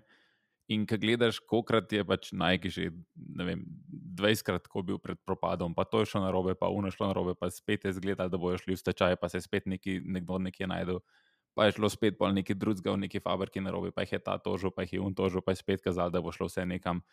In je, in je pač tako zanimivo to brati s to perspektivo, ki jo imamo danes, ko vemo, kaj je iz Nike rajta, ali pa da vidiš, pač, kje je bil tam. Um, in mogoče da vsakmo tako nek zagon, da ja, lej, um, svet bo proti tebi, stvari se bodo podrle, ampak če njim lahko rata, čez vse te stvari prideti, uh, pa lahko tudi te prata, čez mrske manžga. Um, tudi, ja, res, res fina knjiga. Pa mislim, da je tudi Ja. prevedena v slovenščino, nisem pa 100%. Aha. Pa lej, to je tako, mislim, se to so te stvari, ki. Jaz tako vedno tudi pravim, ne, že za sebe. Pa to velikokrat dobim tudi pol taka sporočila od poslušalk in poslušalcev, predvsem poslušalk. No. Poslušalci se malo manj javljate, ampak vem, da ste, tako da lahko prijavite. Ampak Jaz se Um, veliko javljam. ti se pojavljaš. Ja. Ampak ne, veš, tako je. Um, Ko tako poveš neko stvar, neko svojo osebno zgodbo, neko izkušnjo, nek stragel, ki si ga prešel, ali pa nek poraz, ki, ki te je nekaj naučil. Um, pa pa ljudje rečejo, hej, ful, dobro si to povedala, veš, jaz tudi o teh stvarih zdaj razmišljam, ampak meni se je tudi to zgodilo. pa to. Um, in jaz vedno tako pravim, da zakaj to, to govorim? Ne? Zato, ker ne maram ustvarjati nekega občutka, mm, da imam jaz vse stvari popedene v življenju, ali, pa, ali pa nekega tega lažnega. Um, ne vem, da, da, da, imam, da sem že vse stvari odkrila, kako morajo stati, zato da zdaj pa pač lahko smooth sailing. Ne. Ni, ne. Vsak dan imam en kup enih odločitev, majhnih, večjih, ki se jih moram, uh, ki moram v njih ugrizniti, in je ful pomembno, da imam, um, da imam ta temelj oziroma center ali pa jedro svoje močno, uh, zato da lahko te stvari pol delam. Ne? A to zdaj ti fotkaš lepo, dobro, da vidim to. ne, v glavnem, uh, ne, to, to mislim, ful mi je pomembno, da se včasih tako mislim, veš, če meni neka taka stvar ratala, da sem šla čez neke te svoje osebne neke Ja, ja. uh, borbe, pa to. Ne vem, zakaj nekomu drugemu ne bi. Ne? A veš, in, Ja, in je prav, ja. da se o teh stvarih pogovarjamo. Ne? Zdaj, eno so knjige, mm. pač pa nam nekdo pove neko svojo pot, kot naprimer tale z tem najkom. Pa to, ne?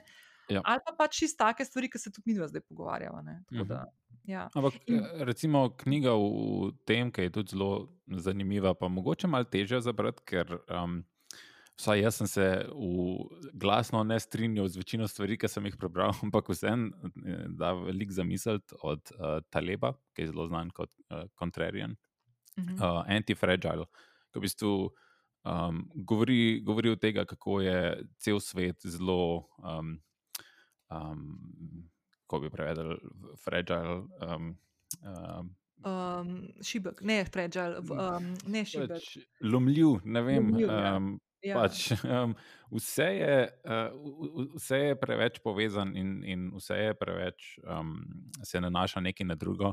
In fulj zanimivo je, ker sem jaz sem to bral lani, točno takrat, ko se je korona začela in, in cela ta. Um, veriga, ki se je sesula globalno, ki pač, ne vem, recimo, ni bilo mask za dobiti, samo zato, ker se pač, ne vem, tam se je malo proizvodnja ustavila, Mm. in pol so ladje zamujale, in pol je šlo, vse Mhm. se je podarilo. ne. Um, in ta, ta knjiga govori veliko o tem, kako je v bistvu, ni, ni samo dosti, da smo, vem, pač trdni, ampak moramo biti pač antifragilni. Mo- Moramo, Mhm. moramo stvari delati tako, da so pripravljene na to, da se podrejo. Se pravi, Ja. ne vem, da, da je stvar, ne, ne da je iz vem, bolj trdega stekla, ampak da je gumijasta. Recimo, ne. um, in zelo pač da veliko konkretnih primerov. Um, in Ja, se pravi, je mogoče malo težko zabrati, ker je veliko, recimo, nestrinjena, uh, ampak uh, Mm. vseeno zelo priporočam v, v branje. Mislim, to je fuz zanimiva stvar, ker v bistvu tle moraš pol mal paziti, da ne padeš noter v to, da se pol osredotočaš sam, kaj gre lahko vse narobe. a ne. Mhm. Um, ampak ja, se strinjam. Ker druga stvar, naprimer, prav to, ko sem se prej pogovarjala o, o tem o smiselnem delu, ne, oziroma o enem kupu enih služb, ki obstajajo, v katerih ljudje nimajo občutka, da karkoli prispevajo sebi ali pa svetu, ki jih obdaja. ne. Um, je ena stvar, eno, eno, en pogovor sem imela včeraj um, z eno prijateljico, po dolgem času, ki mi je omenila, kako ima pač situacijo zdaj v službi, zelo v zadnjem letu in to, in kako se sekira, in kako ne vidi smisla, in tako ne. A veš, najbolj enostavno je meni, naprimer, ker sem že deset let na svojem, ker sem že malo izgubila ta stik s tem, kako je biti v Ja. službi. Ja. Mhm. Um, Reči, pa zakaj se ti sekiraš, ne, se, se pač se imaš nad sabo šefe, pa to ne, se, ne moreš se ti bolj sekirati kot svoje šefi. Ne. Ampak dejansko je tle full dvorezen meč, ki tisto sekundo, ki ti spustiš to, sekir, to ne, padeš v to, da tvoje delo postane nesmiselno. In Mhm. mm. ta točka vmes, ki je, ta, je tako res taka nitka. Ne, Po kateri pač ti moraš hoditi. In to je spet tista stvar, s katero se moraš ti konstantno ukvarjati, vsakodnevno, z vsako odločitvijo, z vsakim mailom, ki ga pošljaš, se ukvarjati na kakšen način neko stvar narediš, ali pa se odločiš, da boš naredil zato, da krepiš hojo po tej nitki. ne. Um, tako da, ja, Ja, sam je ful odvisen od, od situacije. Ne? Ne vem, če imaš nekega šefa, ki je, ki je kreten in veš, da dela, veš, da dela na robe in se pa v bistvu sekira še za njegove odločitve, ki veš, kako bi pač bilo lahko boljš, pa te noben ne posluša. valjda. Tle je pač- tisoč je zelo-. Ja, se je zelo naporno. Ne? Ne, Um, si tako da- predstavljam, ampak veš, to je naprimer ena stvar, ena stvar, ki jo jaz tako um, izredno težko poslušam, ker, sem, ker se pol se pa spomnim tudi mojih časov, še ko sem bila v službi, ko sem se tako počutila in so ful boleči spomini. No, tako, Mhm. in si, ne morem si predstavljati ljudi, ki naprimer tako živijo to vsakodnevno. Res, to mi je grozen. Jaz si bi želela, da bi vsak našel neko strast svojemu, pri svojem delu. Ne. Um, Mhm. večjo ali pa manjšo, se vse. Ampak stvar, ki mi je neverjetna, je ta, da malo sem izgubila zdaj tok misli. Ampak um, težko, težko mi je razumeti, da je kljub vsemu še vedno premalo te senzibilnosti v družbi. Um, na, govorim za slovenski, ker se mi zdi tako. Da polagamo neke stvari na čist napačne temelje. Ne? A veš, um, od teh nekih privzgojenih pridnosti, pa ne vem, kva, ne vem, no, tako mi je, vse skupaj mi je mal butas. Zato sem bila tako ful vesela, no, ker sem videla tole raziskavo tudi za Slovenijo, kaj ljudje Mhm. postavljajo v ospredje, ne, kakšne vrednote, kakšne pričakovanja, česa želijo in kaj zahtevajo, konc koncev, od svojih delodajalcev. Meni se to zdi totalno carsko, ful sem vesela, da je to tako. Um, tako da, ja. Ok. Um, Ja.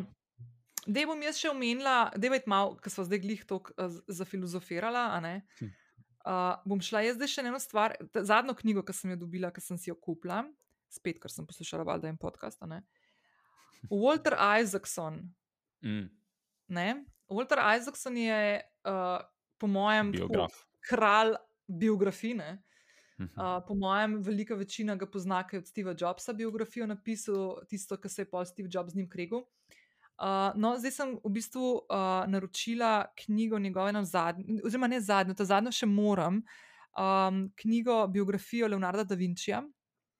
Ker moram reči, da ve, vsi vemo, kdo je Leonardo da Vinci, tak, ne, ampak ker sem poslušala ta njegov pogovor Una par stvari ninja želva, ne? Kaj? Una ninja želva. Ninja Jelva, ja, žilo. Ja, ja. Uh, no, ker sem poslušala ta njegov uh, podcast, pa ki je govoril malo o Leonardo da Vinciju, sem si mislila, da šit jaz o njem čist premalo stvari vem. Ne?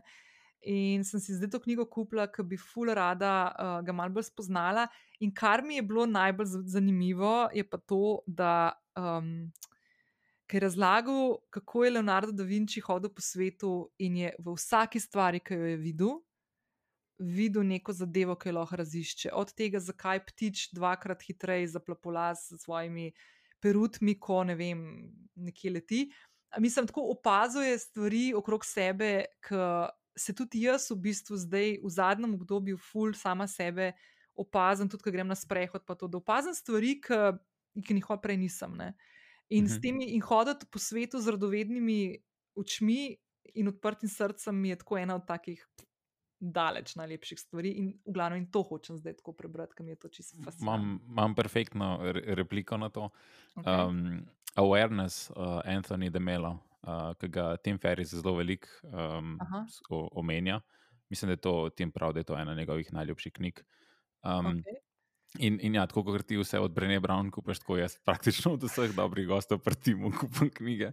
Um, in, in ta awareness je res, uh, res zanimiva, ker je ravno tega, kako pač biti pozoren na stvari okrog sebe. Um, Veliko je, zelo je taka spiritualna, mogoče um, bi bila tebi še zelo bolj všeč, kot je bila meni.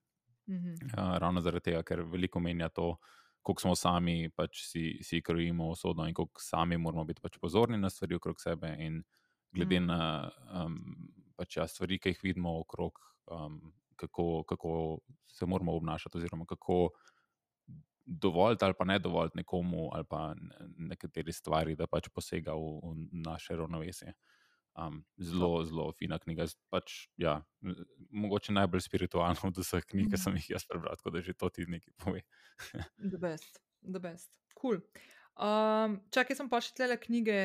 Um, Julia Cameron je avtorica um, tehnike pisanja dnevnika uh, Morning Mhm. Pages. Mhm. Ona je zdaj izdala knjigo, zdaj govorila ful o pisanju, pa o tem pisanju kot način samorefleksije, samospoznavanja. Um, v bistvu je, jaz sem tudi to probavala, ta Morning Pages nekaj časa, no pa sem ga malo pustila, pa sem šla na svoj način. Jaz se tudi omenjam v tem novem vodiču, kako začneš pisati dnevnik in ugotoviš in najdeš pri sebi najboljšega terapeuta na svetu. ne. Mhm. Um, ampak v glavnem ona je dala zdaj knjigo ven, The, Listen, The Listening Path. Se pravi, eno je pisanje, drugo je pa, da se naučimo poslušati. Kar se mi zdi Mhm. tudi ena taka ful pomembna veščina v času, kjer lajamo en čez drugega na 36 milijonih platform. Um, tako da, ja, to je tudi knjiga, ki imam tle, v bistvu tako taka tanjša, uh, po mojem, je tudi delovni zvezek. No. Uh, nisem je še ugrizen na vanjo. Skratka, fulman knjig, no, ki jih moram še um, ugrizen. Ampak ja. Ja. Pa še dve knjigi bom omenila. Eno berem zdaj, uh, od Celeste Ng, NG, Prikriti plameni. Mm, je v slovenščini, pri mladinski knjigi sem jo dobila. Je pa knjiga, ki. Jaz sem gledala serijo najprej na HBO-ju, uh, Little Fires Everywhere, ki jo je naredila Reese Witherspoon, uh, ki v njej tudi igra in igra tudi Kerry Washington. In mi je bila ful všeč ta serija, čeprav zdaj se tako že malo ne spomnim in mi je ful dobro, ker to knjigo berem, ker pa se tako skozi knjigo malo spomnim stvari. Uh, je pa knjiga o dveh ženskah, ki prihajata iz popolno drugačnega okolja in pač odraščanja in okušanja sveta. Se pravi, ena je bogata belka in druga je uh, uh, umetnica, kao revnejša črnka. Uh, spet ta mal rasiz, rasizem v ameriški Mhm, družbi. mhm, pa to. In kako te dve ženski eno drugo spremenjata, v bistvu, pogled, pogled, spremenjata pogled ene na drugo. ne. Uh, tako da ta knjiga mi je, na primer, tudi tako fulušna, jo zdaj jo berem. No.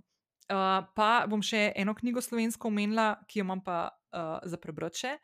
Torej, to je pa knjiga Devica, kraljica, vdova, prasica od Erike Johnson Debeljak, uh, ki jo je napisala, uh, mislim, da je letos je bila izdana, pa je da je čist huda knjiga, jaz se jo ful veselim. Um, pa napisala jo je potem, ko je, mislim, da ne vem, koliko časa je zdaj od tega, ko je izgubila moža. Uh, Aleša Debeljaka, Bajdo je tudi med drugim filozofa, ki smo že glih pri filozofih, pa to, uh, in Mm. pisatelja, in tako naprej, uh, profesorja. Uh, tako da, no, še to, uh, še to knjigo, uh, čakaj, lahko še kakšno tako knjigo umenim. Mislim, jaz jih lahko precej, um, ki jih imam Imate če kakšno na. slovensko knjigo, tako mogoče? No? Nimam, se pravi, jaz, kot sem rekel, večino pač poslušam avdio knjige med tekom in te so v, vse jih dobim iz Audible in tam je pač vse v angleščini. Ampak ena, ena fina, ki mislim, da si jo tudi že omenila, ali pa sva jo omenila že celo prejšnjič, uh, Why We Sleep od Matthewa Walkerja, Aha. tudi prevedena v slovenščino. Ja. Um, zelo, zelo fina um, od tega, koliko ima spanje v bistvu ogromen, ogromen uh, pomen um, in, in vpliv na, na nas. Mhm. In ne samo pač, um, na kratek rok, ampak predvsem na dolgi rok. Mhm. Um, tako da, ja, res, res fino. In mm, ena dosti podobna, oziroma povezana od James Nestorja, Breathe, um, Aha. ki tudi omenja ogromno te, uh, kako diha čez nos, zakaj diha čez nos, um, zakaj je to dobro. Ker mislim, da so tudi z, leden, ledenko tam govorila od, od teh Mhm. vaj. In tle je Prejšnji veliko teden, teh, ja. prejšnji Mhm. teden. Um, in, in je veliko teh vaj omenjenih, in isto Mhm. mhm. razlaga, kako je v bistvu stvar, ki je čist pregledana iz, iz um, raziskav in tega se sploh pač ne jemlje kot, kot Mhm. faktor, ampak ima ogromen vpliv na, na počutje, na dejansko tudi na eh, razvoj obraza in. in um, Tudi na Vse, kar spanje. sledi iz tega, tudi na spanje, pač na, na vse. Tako da te dve sta zelo taki, um, To je fajn za prebrati, pa da naredimo pa neke spremembe v življenju. Ja, ja. Ej, to je fular si umenil, ker uh, ravno tako z Emilom smo se prejšnji teden pogovarjali, tako da če še kdo ni poslušal uh, epizoda 84, Emil Ledenko, uh, dihalne vaje uh, v povezavi z uh, skakanjem, ne skakanjem, potopom v ledeno vodo ali pa ledenim tušem in tako naprej. Um, naslednji teden, by the way, uh, imamo dve delavnici z njim, uh, bom še enkrat polinkala. No? Se lahko še vedno prijavite, pa pol 19. maja še eno, tako da tri, tri delavnice bojo na temo predavanja, dihalnih vaj in potem tudi potopa v uh, kamniš, izvir Kamniške bistrice na 4 stopinje, zakaj je to dobro in tako naprej. Ampak, by the way, ne, meni je ravno Emil lansko leto, se ne vem, če sem to omenila v epizodi, lansko leto mi je Emil omenil na, tem, na tej delavnici, kako pomembno, mislim, itak. Veš, težko je reči, zdaj vsakmu, ki to posluša, ki rečeš neko tako zelo provokativno trditev, da generalno gledano ljudje ne znamo dihati. Ne? Mhm. In spati.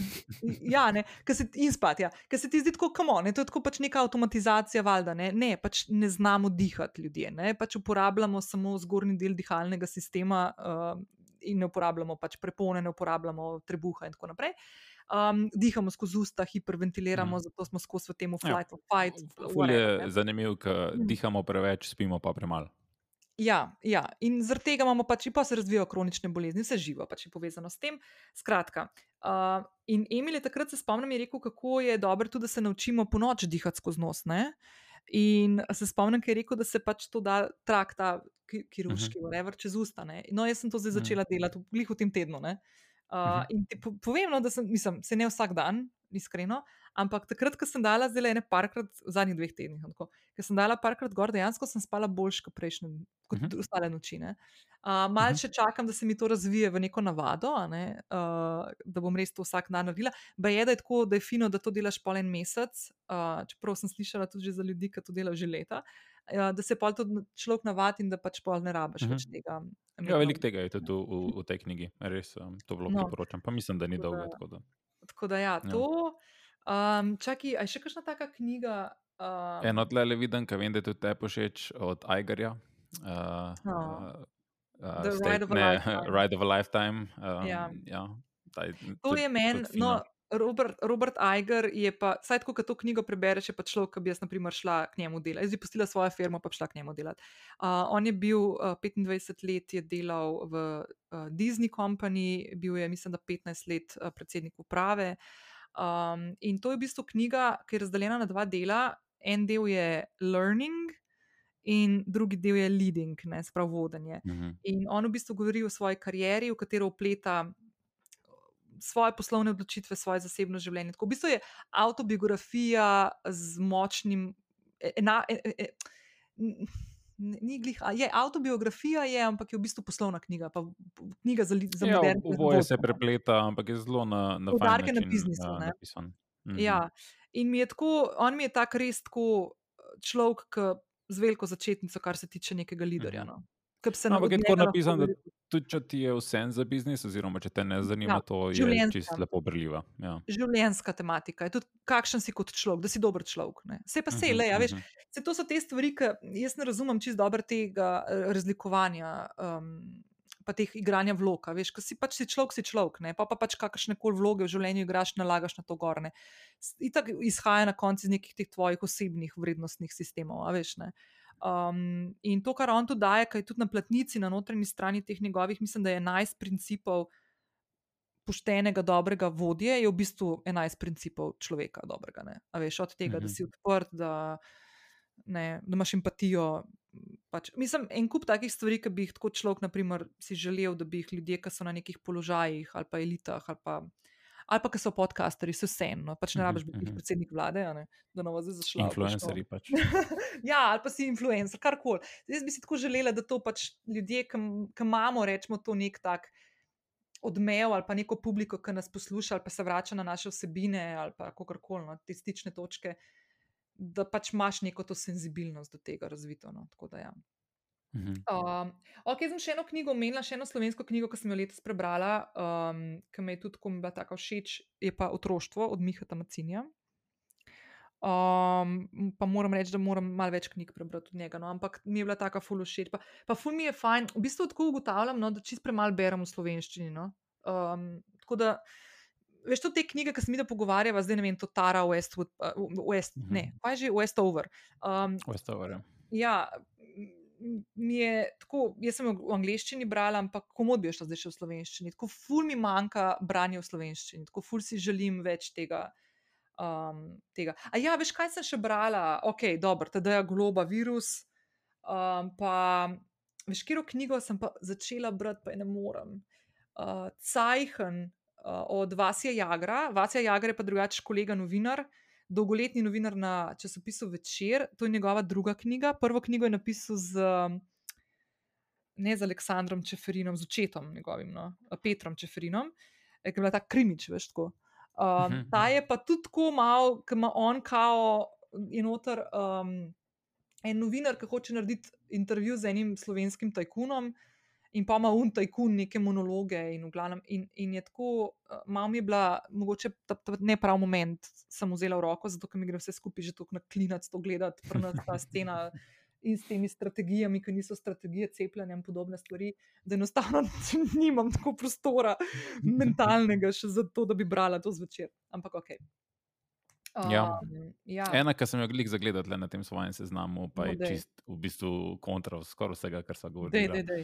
Um, v bistvu, ja, da še to povem. Jaz, jaz skoraj vse knjige, ki berem, pač so, uh, so non-fiction, so, so, pač, ali, ali so to neke biznis knjige, ali, ali so to neki pač, um, uh, memoari, ali autobiografije, biografije, karkoli takega, ali pa pač nek self-help, ampak ta in, in a good way. Mhm. Um, ampak ena taka zgodovinska, recimo, ki se mi je zelo dotaknila, um, je od Jack Weatherford, uh, Weatherford vem, uh, od Gengis Kana.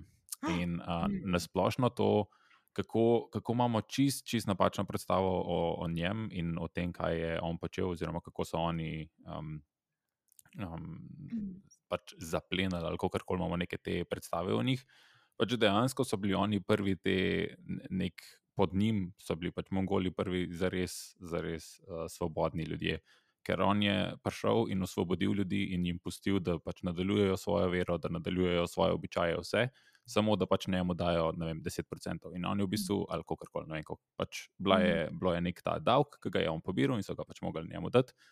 Um, ampak je pa naredil ogromno dobrega za, za človeštvo. In pač brati nekaj, ki ti razbije nek tak um, stereotip kulturen o, o nekem, nekem takem človeku, Mhm. je, je zelo zanimivo, plus pač napisan je tako zelo dober, um, res se, se zelo dobro bere. In jo imam plan letos še enkrat prebrati po let.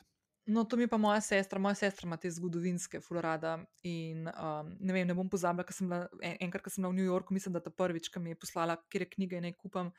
Uh, Hm. to je bilo tako, ne vem, 16-17 let nazaj, ker ni bilo, ne vem, Book Depositorja, pa Mhm, mhm. Amazon mogoče je že bil, ampak ne vem, če smo ga pri nas že tako blizu zaznali. In se spomnim, ko mi je rekla, da ne, mu- da ne od Hitlerja eno knjigo kupam. In je bila taka, veš, tako debela, pa unikluka Mein Kampf. gor.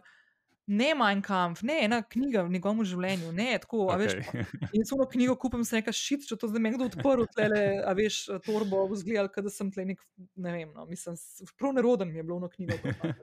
Uh, ampak moja sestra ima, na primer, svojo knjižno sobo, celo. Uh, polno teh uh, in tudi, tudi Džinginskana ima gor. Ja. In Tudi, naprimer, jaz tega nisem brala. Jaz, to, jaz imam toliko enih stvari, ki jih moram tako res tudi prebrati. Mhm. Pa, Um, No, ampak ta je, ta je res fajn. Isto, Tim Ferris je velikokrat omenil, mislim, da tudi Joe Rogan je velikokrat omenil in sem rekel, ok, ajde, čeprav ne berem načeloma, tako kot ti takih. In Je ja. bila ja, zelo, zelo, zelo fina. Um, Čeprav veš, kam ja. je ful zanimivo, sem se spomnila, zelo še to omenjam, ker mi je tako, sicer, ker nima veze, ima veze s knjigami, ampak tako, jaz sem bila, ne vem, če sem ti to povedala, jaz sem bila aprila meseca ali pa marca, zdaj pa ne vem, če, po mojem marca že, sem bila na delavnici pisanja, sem ti povedala to? Si povedala, ja. No, uh, pri... kreativno pisanje, ne neki. Uh, ja, mislim, kreativ, ja, se, spis, ja, no, ja, ja. Um, v bistvu um, pisanje, ja, pisanje, imela ste jo Miha Macini, pa Noah Čarnik, pa američan, ki živi v Sloveniji. Uh, pa Mhm. ga jaz poznam, pa je fuljecarno. Uh, in um, ja, ker si veš, kaj sem se spomnila, ker si govoril to, da, da bereš non-fiction, da, mislim, da bereš Mhm. predvsem non-fiction. In je ful, ful sta tudi ona dva takrat dala tako fuljenih teh um, knjig noter moram iti malo pogledati, nimam preseb teh zapiskov pa tega. Ampak kakšne so razlike, eh, na kakšen način se piše, tako ful mi, ful mi je bilo zanimivo. Skratka, no, in sem jaz tudi tako malo probala to, pa mi še čist ne gre čist dobro, no, tako da se, se moram spet malo vrniti pa podučiti o tem pisanju, um, kako, kako začneš tekste pisati. Konec koncev tudi bloge ali pa captione so vseeno. Ampak ja, Mhm. dobro. Tako da ja. Um, kva še? Imamo še kakšno tako knjigo? Ja, jaz imam tri take polke, da, da malo zaokroženo dol uh, in da malo Ne, ne, razžalostijo. na gor moramo zaokrožiti. Ne, ne, zdaj gre, zdaj gre na ne dol, pa, pol, pa boš pa ti zaok- zaokrožila zgor. Um, pač, uh, Edward Snowden, Permanent Record, um, ki je v bistvu na pol biografija njegova, na pol pač, uh, razkriva, kaj je on. Kaj, pač, pove sploh, kaj je on razkril in, in Aha. um, koliko je grozen, da imajo neke te velike korporacije toliko podatkov o nas. Ok, stop. Deva samo mogoče za človeka, ki ne ve, kdo je Edward Snowden, povedati, da je Edward Snowden človek, ki ga čist, pred, ki ga čist napačno dojemamo, sploh američani. ne. Um, Mhm. Pred napačno dojemamo, kaj dejansko je on naredil s tem, ko je razkril kot uslužbenec uh, nacionalnega preiskovalnega urada ameriškega, ki se je. Um, Mislim, da se je celo ustanovil po 11. septembru 2001, ali pa takrat je ne, začel. ne, je, je bil že prej, veljavo. ampak takrat so No. dobili pač pooblastila, da lahko delajo praktično lahko vse, kar noben ne. nima kontrole nad njimi. Exact. In, in um, kakšne podatke zbirajo, in, in o, o državljanih, ne samo američanih, ne valjda tudi Ja, ostalih, ja, vsem. gremo prek Gmailov in ostalih platform, ki dostopamo do nekih stvari. Um, in v bistvu je uh, se zdaj skriva v Rusiji, ne, že ne vem, full časa, ne vem, če Ja. deset let, ampak pet pa zihar. Um, ja, in jaz sem ga njega poslušala že dvakrat, ki je bil pr. Enkrat je bil pri Joe Roganu, to drugi, ali obakrat, se ne vem. No.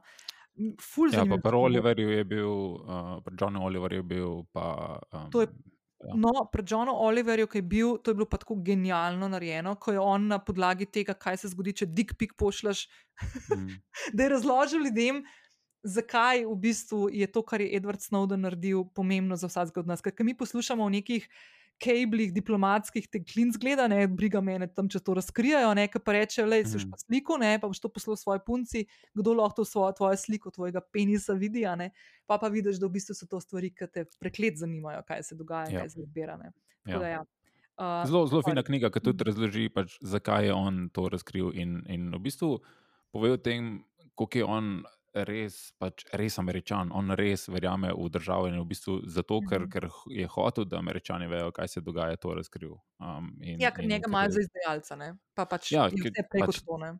Tako, tako. Ja. Um, tako da je ena taka fajn, da mogoče malo razmišljaš, preden objavljaš slike gor, ker by the way, skoraj vse slike, ki jih narediš s telefonom, imajo geolokacijo, tako da vse, kar objaviš, pač vsi vejo, kje si, kdaj si to slikal. da pač ja. Sploh če Mal- mal- še objavljaš, pa tako pol. Tako, malo mal ja. več previdnosti, um, pa pač razmišljati, kaj počneš. Tako da, ja, ta je ena taka, pol pa uh, dve, ki sta povezani in sem jih tudi zbral eno za drugo.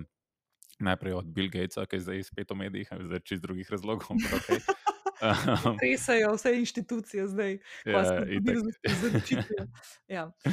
Uh, Okej. Bill Gates, how to, how to avoid a climate disaster, v bistvu okay. razlaga, kaj vse nas čaka uh, z vidika um, pač klimatskih sprememb in, in globalnega segrevanja in vsega tega. In da je zelo en tak zanimiv vidik od nekoga, ki je tehnokrat, ki pač verjame v tehnologijo. In kako pač on misli, da, ja, da je zelo pozno že, da začnemo delati nekaj na tem, ampak on verjame, da bomo in, in verjame, da smo pač ljudje tako inteligentni in kreativni, da bomo praktično za vse probleme našli rešitve. In, in se pač zelo tako, dosta optimistično bere. Mm -hmm. uh, pol pa od David Wallace Wellsa, The Uninhabitable Earth, ki pa v bistvu govori o tem, kaj, kaj nas čaka, če ne bomo nič naredili, oziroma če bomo delali to, kar zdaj delamo, delamo kar je praktično noč. Um, in, in je zelo um, grozljivo, kam, kam gremo, oziroma koliko se premalo zavedamo. Sploh zato, ker se že pač od 70 let že ve, da je to problem. Pač 50 let se že ve, da, globalno, da so pač izpusti problem in da globalno segrevanje sledi in vse te um, katastrofe, ki prihajajo. Pa praktično nič ne delamo o tem. Mislim, če pogledaš Slovenijo, ne dolgo nazaj smo postavili te šest in spet kurmo, uh, pač uh, ja, kolm, ja. premog. Um, ja. In ja, tako da. Ja. Na, mal, mal no, mimo grede, ko smo želeli pri tej temi, ne, da je tudi knjiga lansko leto bila izdana, uh, slovenska knjiga Plan B od Boštjana Videmška uh mhm, -huh, in uh mhm, -huh, Matjaža Krivica. Uh, kot fotografa, ki v bistvu odpira to tematiko, tako da imamo tudi slovenci svoje avtorje. In to meni je fulj zanimivo, z Boštjana smo se, se dobila polet, pa smo se fulj pogovarjala o tem, uh, ker mi je bilo ful fascinantno, kako je šel on iz tega. On je, Boštjan, Boštjan vidim, vidim še kaj drugače. Vojno poročevalec um, z kriznih območij za uh, časnik delo, že 20 plus let. In mi je bilo fulj zanimivo, kako je on ta preklop naredil iz tega vojnega poročevalca v uh, človeka, ki ga zdaj zanima podnebna problematika. In ja, rekel, to je neke vrste vojna. Vojno knjižno žarišče, ne? Itak, ne? Ja. Um, tako da zdaj le vem tudi, da je bil, pa po mojem, pripravljen, se to delo, v delu so že to bile objavljene prve reportaže, bil je zdaj tudi v Afriki, uh, kjer je uh, spremljal te vrste živalske, ki izumirajo, uh, nosorogi in podobno. Um, in meni je fully všeč, da tudi taki ljudje, ki so tako iz drugih tematik prišli, so začeli pisati in skozi svoje delovanje odpirati teme, ki so teme, ki bi mogle vseeno zanimati. No? Pač mi bi mogli mhm. biti veliko bolj, ne, um, vključno z mano, tle se bom jaz ful posula s pepelom. Ne, da pač ne, jaz imam to srečo, da imam okrog sebe fulejnih ljudi, ki so veliko bolj osveščeni na tem področju kot jaz. Govorim o tem delu, pač ti kot državljan, kaj lahko narediš. Uh -huh. Ker na koncu, ja, koncu če smo zelo iskreni, je to uh, plunk v morje, ampak vseeno pomemben, pomemben plunk v morje. To je ta Bill Gatesov del, ne? tudi ko on govori, ja, kako v ja. bistvu je pomemben, da se države in meddržavne. Hm. Tako da damo in korporacijam, in državam vedeti, da pač ja, nam je mar, in na podlagi tega bojo potem, upajmo, pač delali spremembe v to smer. Ker pač, če bomo še naprej pač kupovali plastiko, in, in mislim, ne bomo ja. šli v tem, da je plastika dobra, slaba, pač ima pozitivne in negativne lastnosti. Mm -hmm. Ampak te pač vse stvari, ki so za enkratno uporabo, uh, načeloma mm -hmm. so slabe in se jih je pač fajn izogibati. Ampak ja, kot posameznik lahko veliko narediš in, in je super, da delamo vsi na tem, in vsi bi lahko naredili več, absolutno. Um, ampak je pa treba prepričati države in korporacije, da je treba pač, um, na večjem mm -hmm. nivoju delati in, in pač ne postavljati um, mm -hmm. pač novih premogovnikov in, in novih um, elektrarn na premog in, Kemič, in kemičnih tovarn. Vse, vse to, kar pride za tem. By the way, ful, um, imaš še kakšno knjigo, ali zdaj imam jaz eno tako, en tak ful dober pozitek? Um, lahko lah povzetek, mislim, imam še precej knjig, ki jih nisem videl. Se bomo še povedali, ampak uh, za okrožno zgor, ker mislim, da so. No, no evo, da bej. Zdaj, tako, ko smo začela, smo začela sva s filozofijo. Ne? Um, mhm. In končala sva s tem, kako vsak od nas ima glas in z majhnimi koraki lahko naredi velike spremembe. Um, da je ful pomembno, da se tega zavedamo, uh, kar je včasih v tem času, ki ga živimo, težko. Um, pa to so lahko malenkosti, ne? od tega, da ločujemo odpadke, ali pa do tega, da greš v trgovino, ne vem. Vidiš soseda, ki težko hodi, pa mu primaš vrečko ali pa pridržiš uh mhm. -huh. vrata. Lahko so res mehne stvari, ki se ti zdijo totalno nepomembne. Ali pa na takarju, zdaj, ki ga vidiš, ki ima spet službo, se nasmehneš, pa ga pozdraviš, pa vprašaš, kako je. Ne vem. Pač, ne? Um, uh mhm. -huh. Da smo res tako, da imamo občutek, da smo mi tisti, ki smo gonilo uh, sprememb in da smo mi tisti, ki v bistvu nas morajo poslušati. Zdaj, poslušali, pogovarjali smo se danes pač o filozofiji, ki ti tukaj lahko pomaga pri tem, da to senzibilnost odkrivaš ne, in da se krepiš kot dober človek, ki gleda malo širše kot samo na sebe, na svet. Ne. potem smo se pogovarjali o tem, um, o um, tem, kaj zahtevamo kot delavci od svojih delodajalcev. Spet, ne, če bomo mi zahtevali dobre odnose s sodelavci, uh, možnosti dobrega usklajevanja zasebnega in poklicnega življenja in podobnih stvari, potem bodo temu mogli slediti, avtomatično bodo mogli slediti delodajalci in širše, in zakonodaja, in tako naprej. Potem smo govorili o, um, smo, o spanju, smo govorili, kako je pomembno, da se bomo dobro počutili, da bomo lahko uh, zadovoljni in ker bomo zadovoljni, bomo biti tudi zadovoljnejši državljani in lahko delali lepe spremembe in uh, dihanje in tako naprej. Pa sva kaj govorila? Govorila sva o tem, kako dobro je biti senzibilen, se učiti mogoče tudi iz zgodovine, se učiti iz um, kakšnih teh sistemskih rasizmov in podobnih stvari, da postaješ spet boljši človek kako je fajn brati mhm. kakšne fiction, romane, zato ker ti dajo neko širino, se učiš svojega jezika, kar jaz zdaj v bistvu se želim tako več, več brati v slovenščini, zato da krepim svoj besedni zaklad, ali pa tudi v angleščini, zato da se pač uh, učim tudi jezika angliškega. In pol na koncu prideva do skupnega planeta, na katerem živimo. Ne? Kot neke take katalizacije. Ki, by the way, uh, tudi mi ženske, ki smo tukaj, imamo še en ful pomemben del, ki prispeva tudi uh, na zelo velik vpliv daje na podnebne spremembe, in to je uh, moda, ne, nakupovanje oblek in tega. Ti si omenil Patagonijo, ki je ena od uh, firm, v bistvu modnih. Pač, Oblačilnih, ne, ampak ja, je dela na drugačen način. Ne, dela na drugačen mhm. način. Um, in se mi zdi, da vsak od nas, ne, če bo prispeval en delček k temu, k tej zgodbi, da se začnejo delati te spremembe, se bodo avtomatično mogle tudi sistemske spremembe delati. Tako da, ja. tako sem razmišljal. Lep, lepo si to zaključil. A ne, ne. Ja. V bistvu lahko direkt vzameš, pa daš v intro. Pa, pa to to. ja, ja, dobez, dobez. Ja, ne vem, imamo še kaj. Mislim, Ali mi boš pokal še na sprehod? Zdaj si, zdaj si to lepo zaključila, da, da brez veze zdaj. Uh, ja. Karkoli. Nekaj sva kratka danes, ne vem, kaj je to. Uh, Drugač pa ja, bom jaz še eno stvar rekla, za čist na konc. Uh, drage poslušalke, predvsem, Uh, če imate kakršna koli sporočila za Mihata, jih lahko pošljete na Miha Rekar, zasebno sporočilo na Instagramu. pa meni olajšate, da delam print screen in mu jih pošiljam. Jaz pa, da nam spet klicni ja. center. Bolj to, ja, da, da boš dala vse knjige, boš dala v zapiske, zato da nam bojo sprašvali, čakaj, kaj zdaj je ena knjiga, eh, kako se ja, ja, piše, kje to najdem. Sam ti imaš del na teh, na teh tvojih linkih, ki sem jih poslal, je full več teh knjig. Ja, jaz sem ja, mogoče to omenil. V, v teh prvih linkih, ki bojo noter, so, um, so moji blog zapisi, uh -huh. uh, mhm. kjer, sem napis, kjer sem napisal nekaj v teh knjigah, kjer so ja, pač vse te knjige polinkane. Um, nekaj jih pač tudi novih, ki pač, niso na, na teh seznamih, um, uh. -huh. in te bom pač poslal, boš ti uh, vse no, to nalimala v zapiske. No, tako da, če ste šli tja gledati, Miha ima tam tudi še en mail objavljen, lahko tudi tja, ki pošljete. Lahko tudi vabilo za sprehod. Pa tako, no. Miha to ja, sicer pa, sicer pa ja, Miha je kar posod. Um, Instagram, Twitter. Ne bo imel več prostora, pa časa za sprehode, ker bo pač mi uspel. Ne, zdaj je lepše vreme, zdaj je v redu. Zdaj, ja, okay, zdaj, okay. je zdaj, zdaj gremo lahko ven, brez, uh, brez maske. Brez, da se počutimo kriminalce. Ja, vse to. Do nadaljnega. Se bomo cepljeni vsak cajt, ne? zdaj bo nova aplikacija, bo vse drugače. Jaz imam telefon skozi presep, jaz čakam, da bom dobila ta sporočil, ker jaz imam že full plane za poletje. Jaz, pač, jaz sem znorela, če ne bom šla nikamor poletje. Mm. Veš, koliko knjig imam na spisku, ki jih moram imeti tamo. ja. Jaz, ja, jaz mislim, da bom, da bom spet uh, velik teh, ki sem jih danes omenil, da bom šel še enkrat prebrati. Ja. Um, Jelko ker... ta bom krivila, če mi bo padla bralna kultura to poletje. Ja, Jelko bi lahko še na audio knjigo posnel. Ne, plis. Ne, pa se je glas v redu. Tako, umirujoč. No, glavno, mi smo zajadili. Ampak ja, dobro, noč, Mihaj, pač to je to, se slišiš spet čez ne vem koliko 20 epizod. Ja, ne vem, koliko je bilo zdaj, 15. 25. 25, 25, ok, 20. ja, hvala ti, Nina, no, spet. Ja, nikaj, uh, ponovno, uh, z veseljem se, se oglasim tvojim vabilom pa 0,80 številko si moraš narediti, ali pa ne 90.